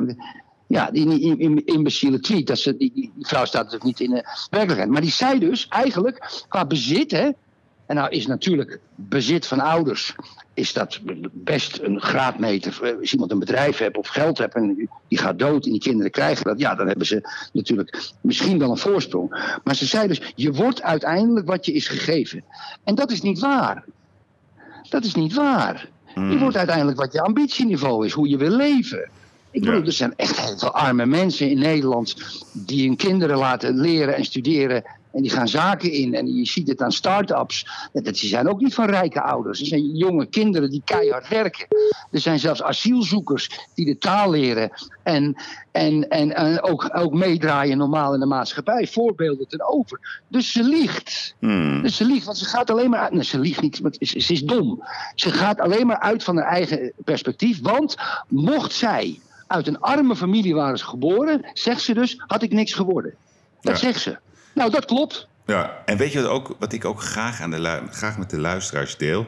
Is de regie die iedere dag plaatsvindt ehm, op de achtergrond in relatie tot die praatprogramma's, die toch gewoon het beeld Ja. bepalen. Dat is allemaal regie. En als je te kritisch bent, ik zal, Ja. ik zal er een aantal sparen vandaag, dan komen ze niet meer op dat specifieke tijdslot. Ze, ze willen gewoon zelf het debat bepalen. En dat is toch wel eng, hè? Dus ik vind ook dat we daar ons tegen moeten verzetten.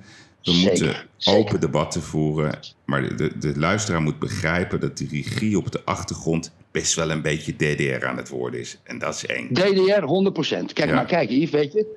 Ehm, ik was verbaasd dat Bert Huisjes ook had goed gevonden dat ik bij op één zou zitten. Want ik ben verbannen van de talkshows nadat ik de vloer heb aangeveegd met Jesse Klaver en met Joop van Rende. Ja. Die heb ik zo, nou ja, de grazen genomen is een beetje lullig, maar die heb ik zo op een nummer gezet vanwege de onzin die ze aan het verkondigen waren. Ja, onder, het, onder de ogen van allemaal mensen die er verstand van hebben. En eigenlijk sindsdien mag ik niet meer in praatprogramma's komen. Dat is prima. Dat maakt me verder niet uit. En ook als het vanuit onze podcast gaat, lieve Yves, dan moet jij dat doen. Ik hoef daar niet bij te zitten. We hoeven ook niet met z'n tweeën te doen. Maar de D66-deken, en het is een open deur intrappen, want we weten het allemaal. De D66-deken boven de staatsmedia begint hele enge vormen aan te nemen, Yves. Hele enge vormen. Maar, Maar goed, zullen we naar de kwartaalcijfers van Google gaan? ja, ja, Google. Kijk, Heb je die gezien? Ja, die heb ik gezien. Dus even voor de luisteraar. Google eh, valt onder de Alphabet. Hè, dat is het moederbedrijf. En Alphabet is ook bijvoorbeeld YouTube. Dus om even te duiden hoe groot deze partij is. Nou, dus waar, waar praten we over? Vierde kwartaal. En daar had ik het ook over hè, met Bert Huisjes. Ik zeg, wat, wat zijn jullie aan het doen, joh? Ik zeg, gaan we nog eens een keertje een tegengeluid geven... tegen al die verschrikkelijke Amerikaanse techbedrijven. En ook, dat had ik ook... Ga eens. Ama-. Amazon, ja. Wat, hoe, hoe halen al die. Al, dat, dat moeten we echt benoemen, Erik. Hoe halen al die mensen in de huiskamers in Nederland het in hun hoofd. om een bestelling voor een paar kwartjes minder. bij Amazon te plaatsen of bij Alibaba? Die betalen niet eens belasting in Nederland. Hoe En voor die paar mensen- kwartjes, hoe halen ze het in hun hoofd? Beste luisteraar, Yves Geirat heeft een wereldpunt. Je moet die dingen niet via Amazon bestellen online omdat het makkelijk is. Je sloopt daar de Nederlandse middenstand mee. Juist. Stop met bestellen van dat soort belastingontduikers. En even over Google, voordat jullie het weten. Google heeft het vierde kwartaal Ja. 15 miljard winst gemaakt. Goed, dat vinden wij niet erg. Iedereen mag winst maken. Ze hebben in 2020 41 miljard, Yves. 40. 41 miljard Ja, ja. ja, winst gemaakt. En wat het ergste is, en dat is het echt het ergste, dames en heren. Ze hebben in acht jaar tijd via een constructie 128 miljard euro naar de Bermuda-eilanden gesluist. Ja, en met dat soort gasten werken we. Naar de Bermuda. 128 miljard winst staat bij bankiers op de Bermuda-eilanden. Nou, ik, ja. dat moeten we aanpakken, Yves. Dat Ja. moeten we aanpakken. Kijk, kijk, wij zijn natuurlijk in dat opzicht postzegeltjes. Maar we moeten dit benoemen. De mensen moeten begrijpen. Je moet niet adverteren bij dit soort belachelijke conglomeraten. Je moet geen bestellingen. Ik doe het ook niet. Hè? Ik vind het echt gewoon belachelijk. Zij domineren ons leven. Ze hebben onze data. Dat zijn de bedrijven waar ik toch wel graag eens een keer gesprek over wil hebben. Willen wij dat wel? Willen wij onze naam verbinden aan tech-instituten waar de CEO's, de aandeelhouders op een ongelofelijke manier hun zakken mee lopen te vullen. En dan roepen, ja, we moeten de wereld redden, we moeten meer belasting Ja, betalen, ja. we moeten meer belasten. ja. Met de, het is, het is krankzinnig. Maar het wordt vaak vergeleken met Nederlandse ondernemers. Nee, dit zijn gewoon Amerikanen die gewoon in ons systeem zich geïnfiltreerd hebben. En waarin wij op geen enkele manier meer tegen durven op te treden. We zullen nu wel Nee. weer worden geregistreerd. We zullen wel nu weer ergens worden verwijderd. Het is Ja. niet gezond. Het is niet gezond. Oh ja, dat kan, dat kan ook nog. Dat kan, ook nog, ja. want hoor, we ons krijgen, nu, we een vinkje, zoals Ajax. Maar ik, ik wil wel Kees Verhoeven van de T66 wil ik een, eh, een, een hart onder de riem steken. Want kijk, ehm, Kees Verhoeven, en ik heb altijd te zeiken op de D66, dat weet ik wel. Maar Kees Verhoeven is wel een snuiter die er verstand van heeft. Hmm. En met Kees Verhoeven die gaat weg uit de Tweede Kamer. Die weet nog niet, ik blijf hem maar vragen wat ga je doen. Ik denk dat hij het al weet, maar hij zegt het niet. Maar ik zou graag een, een eenheid willen hebben. Ik wil het geen ministerie noemen. Een eenheid in de Nederlandse staat. Die met 27 andere eenheden in de andere EU-landen, 26 dan, nu, nu, nu de Brexit.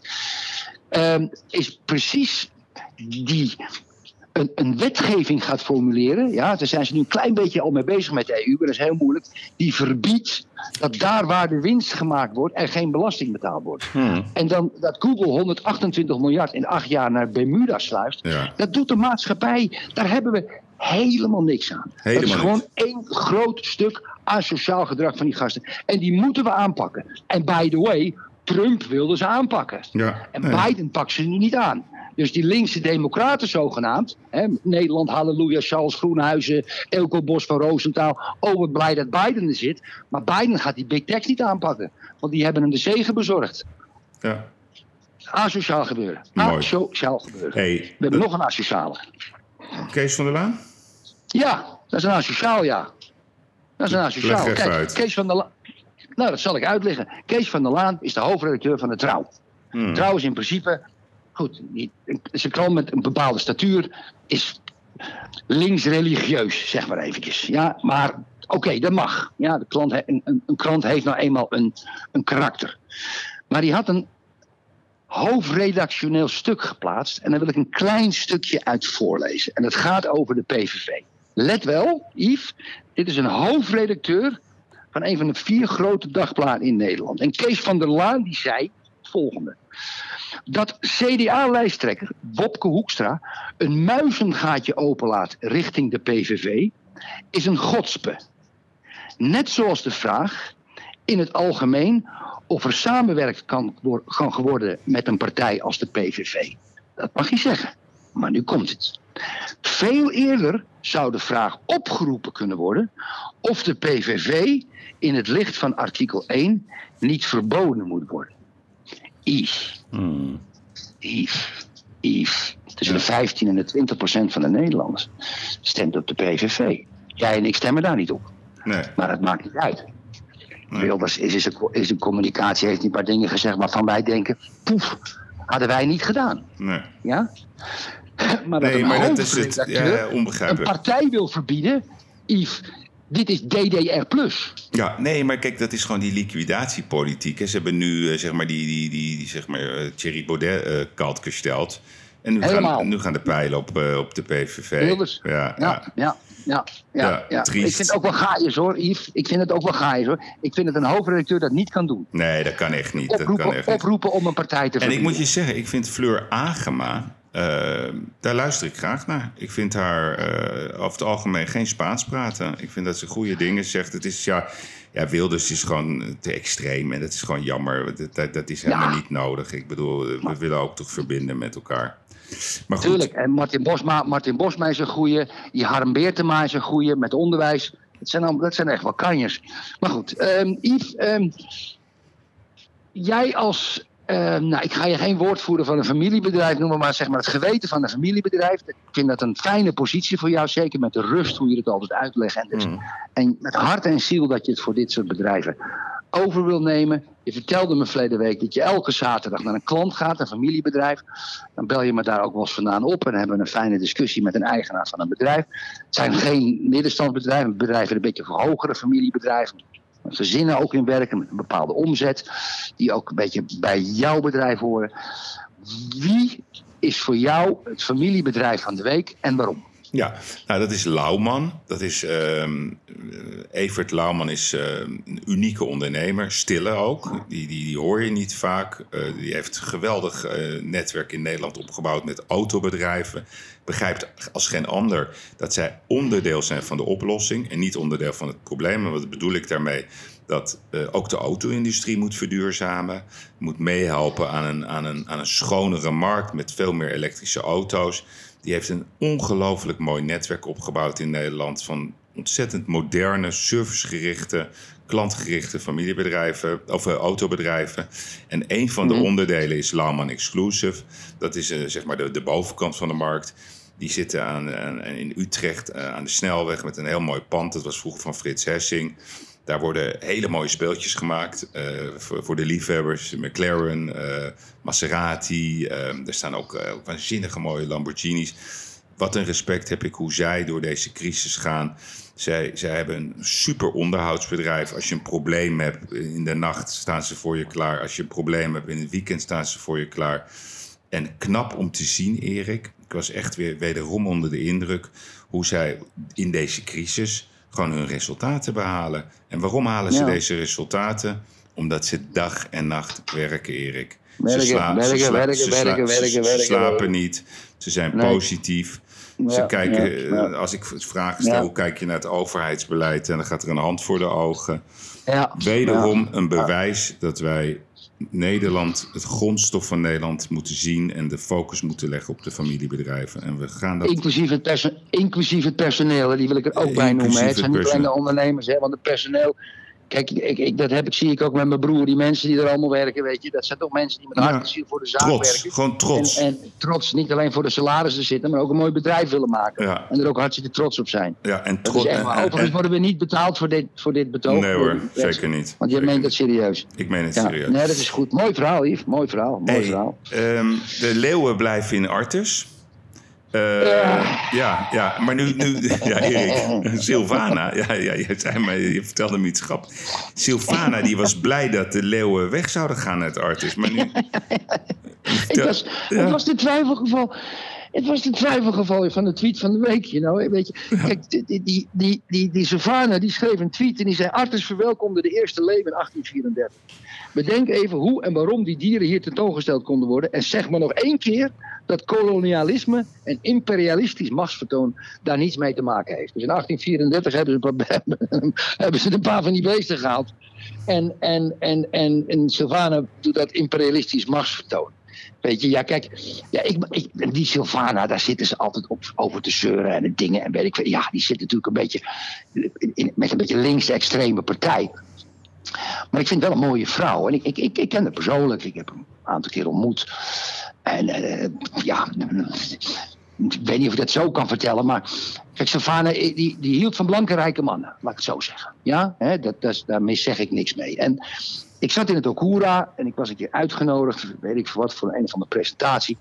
was toen een mannetje die altijd in de krant stond. En die denkt, nou, Vlieger is een bekende.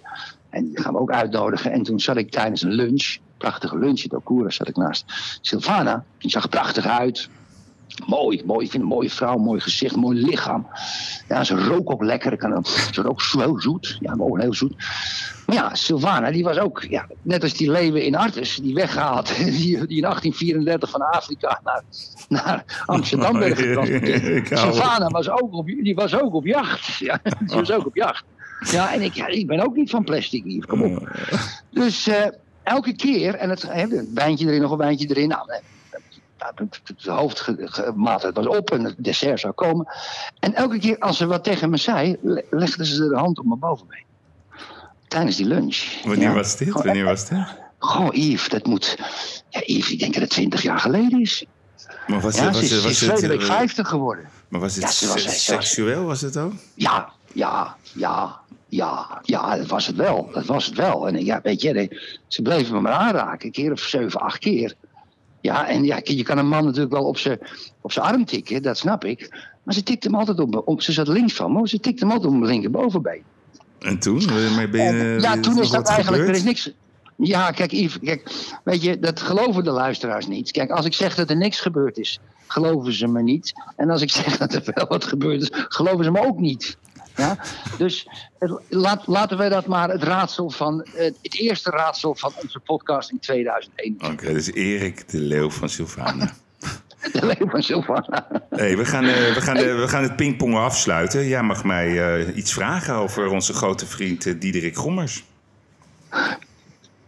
Ja, kijk, eh, jij, jij hebt me een ver- verhaal verteld over Diederik Gommers. Dat is een interessant verhaal. Dat ging om geld. Wij, wij zijn natuurlijk kritisch op Jaap van Dissel over zijn 6 miljoen, ja of nee. We hebben Ab Osterhaus, die nou eindelijk uiteindelijk toegegeven heeft dat hij 5,6 miljoen via zijn vennootschap eh, in privé heeft laten lopen. Veel geld. Wij zoeken, wij zien wat mensen die in de testapparatuur zitten, die toch in leidinggevende posities zijn, ook op televisie komen, die wat centjes verdienen. Dus wij zijn ook een beetje op Diederik Gommers ehm, ehm, gaan, gaan pitchen. Dat verhaal ga jij nu uitleggen. Hmm. En daarna, eh, je weet, ik, toen ik dat verhaal hoorde, heb ik gelijk de telefoon gepakt. En ik heb Diederik Gommers gebeld. En net als jij met Van Dissel een voicemailbericht achtergelaten. Dus ik stel voor dat jij het verhaal vertelt.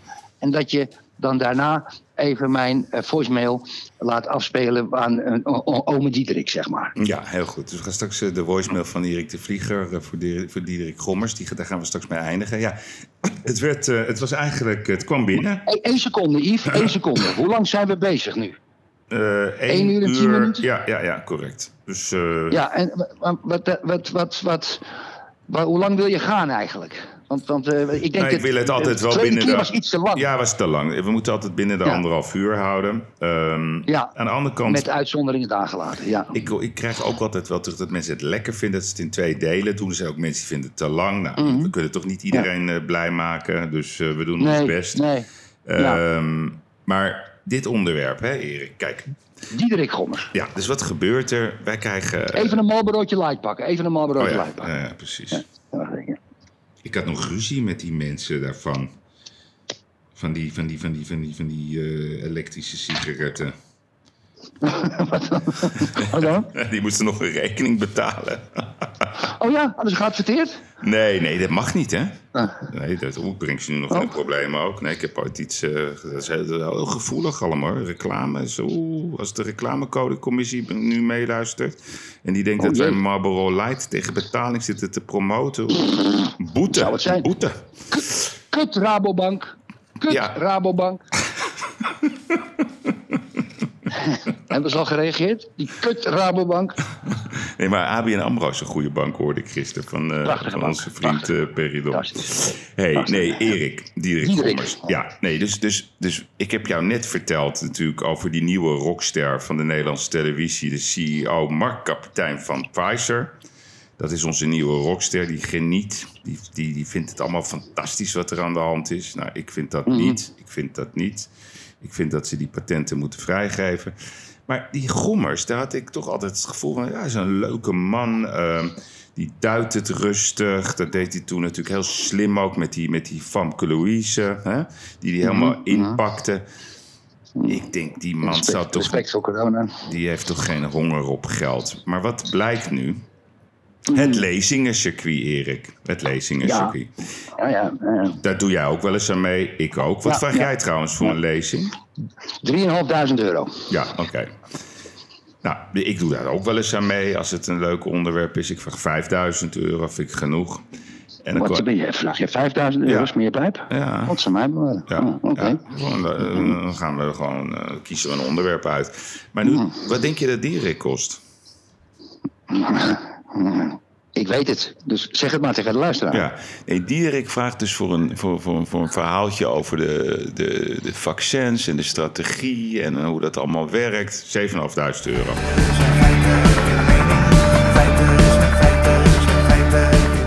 En nu, nu kregen wij, eh, ja, dat mag hoor, ik vind het allemaal prima. Alleen, Ja, ik vind het wel veel geld, Yves. ja, dat, dat, ik zeg altijd dat is vraag en aanbod. Maar wa- deze vind ik een ethische. Dus wij kregen per ongeluk inzage in correspondentie. Ja, ik noem het even netjes, hè? Per Per ongeluk. ongeluk. Per ongeluk. Ja, te- de- Ik hou mijn mond dicht nu. ja, want hij zit bij het, ja, het sprekershuis. Daar zit hij bij. Oh, daar zit jij ook bij of niet? Ik zeg niks. Ja, wij kregen per ongeluk inzage in de correspondentie tussen een aanvrager en een, en een lezing met meneer Grommers, die dan gaat vertellen via eh, de digitale snelweg hoe ongelooflijk complex, hoe ongelooflijk uitdagend het hele vaccinatieproces is. En er wordt dan ook gevraagd, heeft hij, is hij beschikbaar en hoe laat kan het en hoeveel kost het? Nou, Diederik is beschikbaar, kost 7.500 euro. maar nu komt hij. Dat wordt dan allemaal gedaan vanuit de kamer van het Erasmus Universiteit. Ja, en dan denk ik, Erik, onze vraag aan Diederik Gommers is... gaat deze 7.500 euro nou naar de bankrekening van Diederik Gommers... tijdens de tijd van de baas... of gaat deze bankrekening en betaling keurig naar de Erasmus Universiteit? Nou, ik denk dat wij het antwoord weten. Steeds- Doe eventjes nu mijn voicemailbericht instarten. Ja? Alsjeblieft, En daar dan praten we erover door. Daar komt komt hij. 1, 2, 3.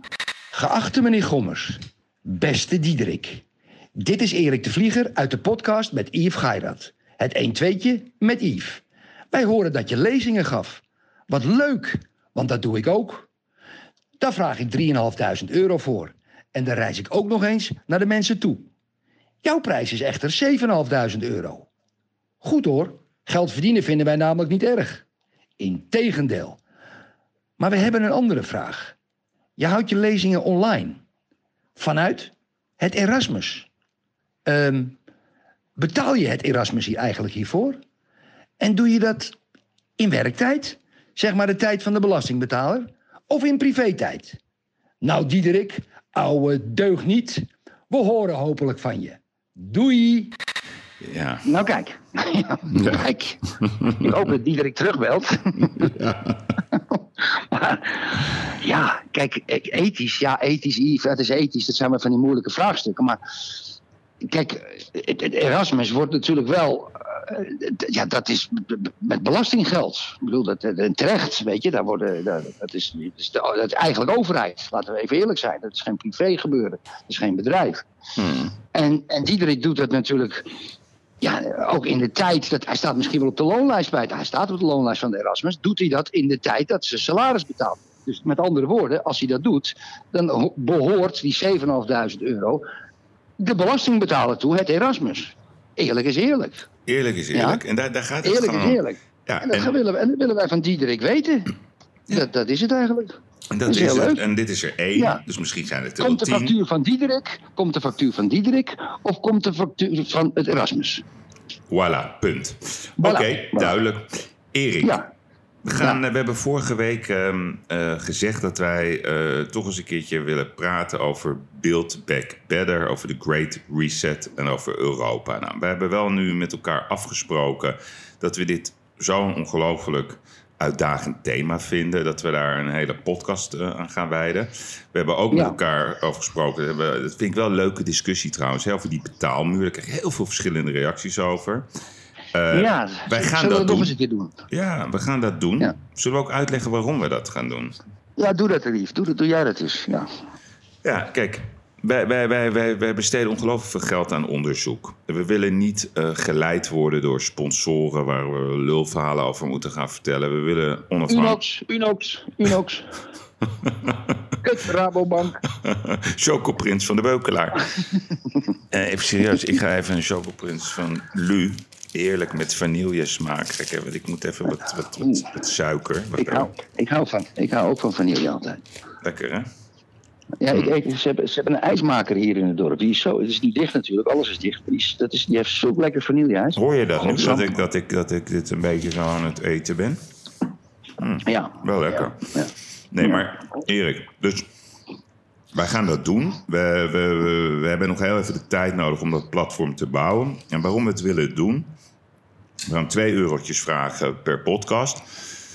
we gaan ook als mensen het niet kunnen betalen, dan strijken we onze hand over het hart. Maar we willen een beweging worden. En daarvoor is het gewoon nodig dat wij impact hebben, dat we enorme loyaliteit. We willen ook die grote show gaan doen. ehm, dat kan in uh, in Live Carré. zijn, in Carré. In Carré. Ja, en dan met Ja. Thomas erbij. Ja, En het is gewoon ontzettend belangrijk dat we, dat we een bedrijf gaan neerzetten met impact, met power. Dus we gaan het doen. En als we tot de conclusie komen dat er werkelijk waar eh, helemaal niemand ertoe bereid is, dan zeggen we, nou, we hebben het geprobeerd. nou ja. We gaan een andere route bewandelen. Maar, Maar ik vind wel die wel betrokkenheid. Je moet, je moet wel korting geven als ze vier of als ze tien, eh, tien keer luisteren. Nee, maar we maken er gewoon strippenkaartjes van. Hè? Dus we hebben gezegd een ruttetje. Dat is zeg maar, ja, als het toch allemaal niet uitmaakt, dan neem je gewoon het duurste. een, een, een asjertje. Als je het eigenlijk helemaal niet weet, dan neem je gewoon een Jij goedkoopste strippenkaart. Een, een, wie- een wiebusje, ja, dat is een beetje zo'n sneaky. Hè? Dat is eigenlijk de duurste. Dus ja, zo, ja, zo gaan we het doen. Maar ik vind het wel leuk, die discussies en die adviezen. Het is ongelooflijk, die betrokkenheid. Dus... eh, Ja, we hebben, ik heb inmiddels ook een bestelling geplaatst voor een compleet nieuwe podcaststudio. ja, Dus, eh, ja. met de ik, krijg ook een, ik krijg ook een installatie. Ja, hoor, zeker. Portugal. Ik doe het Ja. niet, ja, vind ik wel fijn, ja. Ja. Dus ja, dat fijn. Maar de onderwerp... Great Reset. Ja, de Great Reset. Hè. Kijk, dus eerst even één ding, hè, even voor de duidelijkheid. Ik vind dat het, eh, dat het falen van Europa... dat dat toch wel nu bewezen is met die inkoop van die vaccins. Ursula Ja. von Leyen, kom op Erik. Helemaal. Wat is, dat, wat is dat voor een onzin? Ik bedoel, zij moeten één keer iets regelen. Zelfs dat kunnen ze niet. Nee, maar kijk Yves, dat, dat, dat, daar val ik je even bij in de reden. Kijk, het, het ergste zijn natuurlijk die partijen die maar meer Europa willen of meer EU willen. Terwijl we nu eh, duidelijk bewijsbaar hebben met, met de vaccinstrategie dat ze er één grote rotzooi van gemaakt hebben. Ja. Maar ik was vanochtend heel vroeg op. En buiten was ik, doe ik, al, even alles, doe ik alles verversen. En toen ben ik op de site van de EU, van de Europese Unie gaan kijken. Waar ehm 55.000 mensen werken, waarvan 32.000 mensen ambtenaren voor de Europese Commissie. En 7.500 7.500 ambtenaren werken bij het Europees Parlement alleen. En, en was een, dat was een soort personeelsadvertentie. En er viel mij één zin op, Yves. Dat was zo uniek. En daar stond het volgende om mensen te werven om bij de EU te gaan werken. En ik heb het ook op Twitter gezet vanochtend. En er staat dus, afhankelijk van uw persoonlijke... Dus eerst zeggen ze, kom naar Brussel of naar Luxemburg of Straatsburg. Want daar is het hartstikke fijn. We hebben winkelcentrum, we dingen, we uitgaansleven. Allemaal goed, het is zo fantastisch. Als u hier werkt, woont u ook fantastisch. Hè? Dat staat ervoor. En dan eindigen ze de advertentie met een zin. Afhankelijk van uw persoonlijke situatie kunt u recht hebben op extra's, zoals kindergeld, reiskostenvergoeding en ontheemdingstoeslag. Dat woord. Dus, dus eerst zeggen ze komen en dan voel je je, en dan werk je er en dan zeg je, ik voel me ontheemd. En dan zegt iemand achter een balietje, een van de 55.000 ambtenaren, dan heeft u recht op een ontheemdingstoeslag. Ja, nee, maar, maar Had je, had je wel eens van het woord gehoord? nee, nog nooit. Maar wat, wat ik jou wil vragen, Erik, over dat hele Europa. Wat ben jij nou? Ben jij nou een Europeaan of ben jij een Nederlander? Of ben je een Portugees? Wat, wat, wat ben jij, hoe voel jij dat zelf? Yves, moet je goed luisteren. Eerst mijn familie. Dan mijn straat. Dan mijn dorp. Dan mijn stad. Dan mijn land. Dan Europa. En dan de wereld. In die volgorde zit ik erin. Ja. Dat blijkt, is misschien egoïstisch, want we leven in een totaal gefabriceerde globalistische wereld, waar ze nu allemaal een beetje landbouwtechnisch zeg maar op terug willen gaan. Klein, klein, klein. Zoals ze die big techs en die grote online bedrijven maar hun gang laten gaan. Ik ben, ik ben voor de oude EEG. ja. Alleen maar voor de handel. Hmm. Ja, echt alleen maar voor de handel. Dan kan je met opsporing, met veiligheid, je kan met wetgeving als het gaat om eh, gezondheidsrisico's met producten, dat je die allemaal eenduidig een bepaalde speelveld geeft, al dat bedrijven, gelijke speelveld, snap ik ook nog, but that's it. Ik wil geen leger. Ik wil niet dat de Griekse generaal tegen mijn zoon zegt in het leger als we oorlog hebben, je moet hem, je, je moet hem doodschieten. Daar heb ik geen trek in. Ja, daar heb ik allemaal geen trek in. En dat willen ze allemaal. Die GroenLinks, PvdA, VVD, D66, ChristenUnie, Eurofielen. Die wil dat we ons prachtige recht de soevereiniteit weggeven. Ik wil soeverein blijven. Ja. Als mijn straat een zootje is, spreek ik mijn buren erop aan. Ja. Ja? Ik wil soeverein blijven in waar ik leef. Dus in die volgorde ben ik een Europeaan. Yves. Ja, nee, ik, ik, zit, ik zit op één lijn met jou. Kijk, ik, ik, ben- ik ben heel erg trots op Nederland. En eh, ja, ik vind Ja, tuurlijk. Het, het lijkt wel of het woord Nederland of dat het een raar woord is geworden. Ik vind het Ja. vervelend als mensen zich gaan bemoeien met mijn identiteit. En eh, ik ben, eh, ben blij hier in dit land. Ik wil ook Ja. hier blijven. Ik wil niet een gevoel krijgen dat je hier om wat voor reden ook, omdat ons zoveel regels worden opgelegd, dat je ongelukkig wordt in je eigen straat of in je eigen stad of noem het dan maar op. Dus ja, ik vind het een hele lastige. We gaan hem heel uitgebreid bespreken. Daar gaan we ook echt eh, ons eh, mm, ja, behoorlijk in verdiepen. Dat hebben we trouwens al gedaan. Maar een, Ja, een maar kijk, nexit even- vind ik een, een raar woord. Een nexit, weet Ja, je, dat is weer gedoe. Maar Ja, dat is allemaal gedoe. dit Maar is kijk eh, even, basis voor hier- gedoe. Wij werden hier door ehm, deze discussie wat we nu hebben, komt doordat we Build Back Better Ja. noemden en de Great Reset. Omdat we daar geïntrigeerd door zijn. Ja. Hoe werkt dat nou precies? Daar hebben we natuurlijk nu te weinig tijd. Maar het komt erop neer, eigenlijk hetzelfde principe als de steeds meer dominant wordende prutsers van de EU. Dat er politici zijn die roepen dat we, dat is in juni begonnen, Build Back Better van het World Economic Forum, dat we eigenlijk in een hele nieuwe maatschappij terechtkomen. Ja, en dat noemen ze dan uiteindelijk onder de grote hoed van het World Economic Forum de Great Reset. Nou, een van de belangrijke dingen van de Great Reset, dat is zeg meneer Swaap, die heeft er een boek over geschreven. Dat boek ben ik nu aan het lezen. Die man is gek. Ja. Je moet het gekhuis. Die man is gek. ja, die is een enge man. Die is gek. Die is gek. Die zegt ook, die zegt ook gewoon alle bezit, ja, alle bezit moeten we afsferen. Hmm. Ja? Dat moet eigenlijk centraal terechtkomen. En we- je, dat, dat zeggen ze ook gewoon letterlijk. Hè? Centraal moeten stoppen met het hebben van bezit. En alle bezit wordt dan, en dan komt de vraag, de belangrijke vraag die wij, die wij moeten gaan beantwoorden. Dat bezit gaat dus naar een centraal geleide overheid. Want het bezit moet ergens zijn. Ja. Ja, ik heb een zwembad, maar ik, ik weet niet, eh, moet- goed, die geef ik dan aan een lokale gemeente. Maar wie maakt het schoon? Hmm. Zomaar een vraag. Ja. Ja, zomaar een vraag. Nou, dus die imbeciel, die Engert, die wil dat we het allemaal in een situatie terechtkomen. Waarbij een totaal centraal geleide overheid ons allemaal bekijkt. En het, en het erge is, de grote bedrijven doen er gewoon aan mee. Hè. ING zit erbij, ABN AMRO, Rabo zit erbij, BlackRock zit erbij, eh, Unilever zit erbij. Het is allemaal in juni in het World Economic Forum zijn ze erover gaan praten. Het is een hele, als je dat zo leest, is dat een hele enge gewaarwording. En daar moeten we een aparte uitzending over doen. Dat is heel moeilijk trouwens, hoe we dat gaan doen. Maar dit is toch een gevaarlijke ontwikkeling. En Rutte begon ook Build Back Better te noemen. En die gekke Henkie Krol in de Tweede Kamer, die begon daar wel een vraag over te stellen.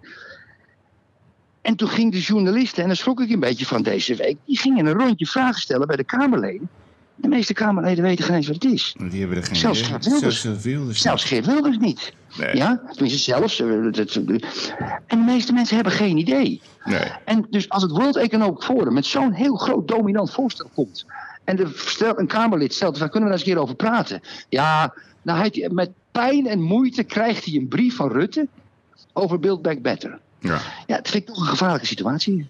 Ja, ik, ja, het is een hele gevaar. Het gaat, het gaat niet gebeuren. Kijk, de intenties zijn er. Het- Weet je niet? Weet je niet? Nee, maar ik, ik denk, luister, we zijn niet gek, hè? Ehm, gelukkig Nou, bestaat. nou, eh, nou, nou, nou, nou, kijk, kijk maar eens naar de, kijk maar eens naar de opiniepeiling in de, voor, de kies, voor, de, voor de verkiezing. Ja, Ze zijn maar- wel gek. Ja, maar ik hou van internet op dit onderdeel. Ik hou ook van, eh, van onze twitteraars. Die gewoon gelukkig een scherpe geest hebben en ook niet gek zijn. Het kan niet zo zijn dat wij over twintig jaar in een samenleving zitten... waarin we gedomineerd worden door Google, Microsoft... een paar idioten van BlackRock... Allerlei politici onder de label van Ursula von Leyen... die gaan, gaan uitleggen. Straks gaan ze zich nog bemoeien met, eh, met, met wie we wel of geen seks mogen hebben. Joh. Het houdt een keer op. Wij willen gewoon leven, Erik. En we zullen daar ons ook tegen verzetten. Tegen deze oplegging van bovenaf.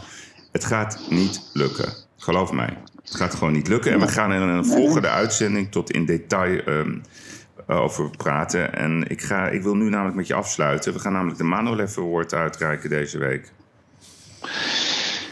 Ja, kijk, jij wil afsluiten, hè? Dat, dat, ik, dat is goed. Maar ik wil nog eventjes iets, iets anders zeggen. Kijk, een vriend van mij, en het is even om de gekte aan te duiden in de EU. Ja, een vriend van mij die besloot om van Portugal, een, een Nederlandse jongen, om van Portugal naar Nederland te rijden. Hmm. En die, maar het is allemaal, die grenzen zijn dicht. Het is allemaal moeilijk. Dus die komt bij de Portugees-Franse grens. Als je Portugees bent, kom je er niet uit. Zeggen ze, wat ga je doen? Eh, Bewijs wat je gaat doen. Kom, kom je niet Spanje. Dat is heel apart. Ja. Nou, hij zegt bij Nederland, ik ga terug, bla bla, heel verhaal. Komt bij de Spaans-Franse grens. Zegt, heb je een PCR-test?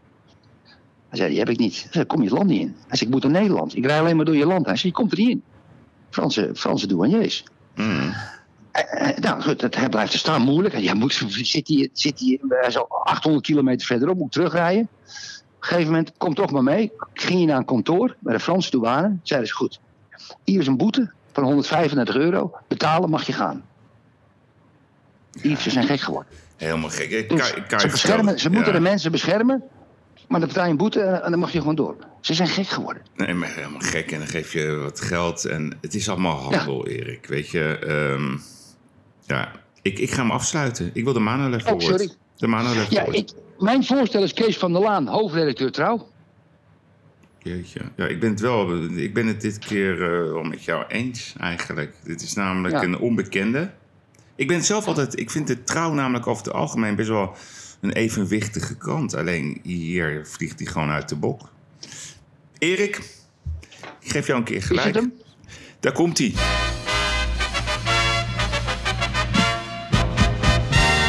De Manolev Award. De Manolev Award van deze week is voor Kees van der Laan van Trouw. Hartstikke idee. hey, ik, eh, wat ga je doen dit weekend? Mm, niks. Niks. Ik kan niks doen. Ik kan nergens naartoe. Ik kan een beetje natuur bekijken. Het regent. Maar niks. Ik ga, ik ga lekker eh, een beetje twitteren. En ik ga, eh, ik ga oestertjes. eh, die, die winkel is dan wel open. Oestertjes eten. Ehm eh, pff, lekker een beetje oude hoeren bellen. FaceTime. Vrienden, familie. Mijn kinderen. Ehm, gewoon gezellig een beetje. Ja. Niks. Voor niks. Een beetje nadenken. Wat schrijven. Mailtjes. Ik heb ook wel mailtjes. Die heb ik. Er zijn mailtjes waarvan vind ik moeilijk te beantwoorden. Zo stomme makelaars die willen er wat. En die zet ik dan apart eventjes. Als ik tijd heb, dan geef ik ze iets. Je weet het nooit. Kan nog een deeltje uitkomen, weet je wel. Vind ik leuk. Vind ik leuk. Je weet wat wij gaan doen. Ja, wij wachten, wij wachten op de sneeuw en we wachten op eh, de bevriezing van de Amsterdamse grachten. Ah, man. Nou, negen jaar geleden heb ik nog Oh, schaatsen ik bedacht. heb er zo'n zin in, jongen. Ik vind het heerlijk. Ja. Heerlijk. Dat vind ik Ja. ook, ook dat, ja, dat is, dat is gewoon dat, dat prachtige plaatje van straks van Ja. al die grachten die gewoon helemaal dicht. Ja. Het gaat echt gebeuren. Hè? Het wordt een, een, week lang met, met enorme eh, kou. Eh, ook qua gevoelstemperatuur, ik geloof wel min 10. En in sommige gedeelten van Nederland zal het misschien wel min 15 worden. Dus ja, het is lang geleden hoor, dat we zo'n lange periode... Het zou toch Nou. niet gebeuren trouwens dit jaar...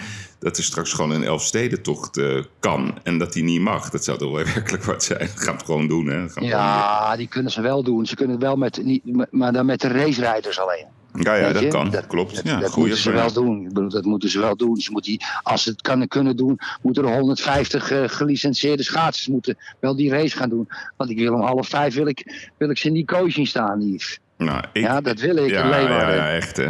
Ja, ja, ik vind het Ja, prachtig. dat, dat, ik- dat, dat, is een dat vind ik een van de mooiste sportevenementen die er zijn. Ik heb trouwens nog één, nog één kijkerstip. Dat zag ik woensdagavond. Er zaten twee jongens eh, bij op één... die met z'n tweeën even de oceaan waren overgegroeid. Heb je dat gezien?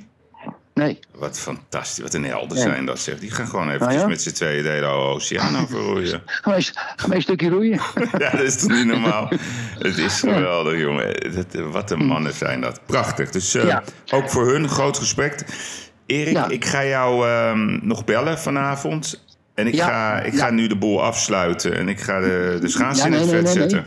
Wat? Ja, nee, nee, nee, nee, nee, nee, nee, nee, nee. Ik wil dat je nog een keer, ja, en nog Ja, een keer... daar komt hij. Ja, ja, ja, je hebt het gelijk. lied van Thomas Acta doet. Ik wens alle luisteraars een fijn weekend. We spreken jullie volgende week. En hier is Thomas Acta. Bye. Bye, bye, bye. Ik moet soms wat kwijt wat ik vind ervan. Littekens en jeuk, die koester ik maar dan.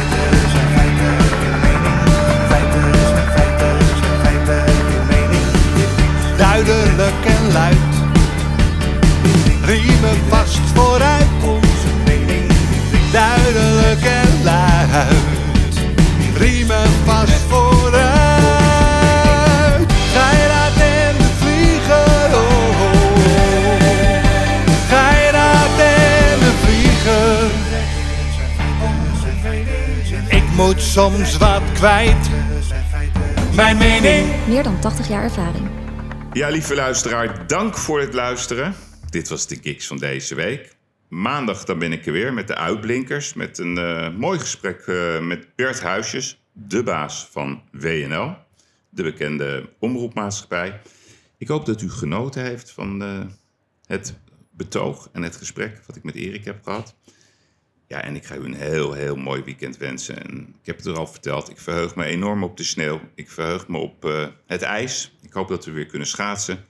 En daarom heb ik voor u een speciaal fragment uitgekozen. Verduin heeft alles bewaard voor het laatst. Kleine geeft het Kleine op is weg.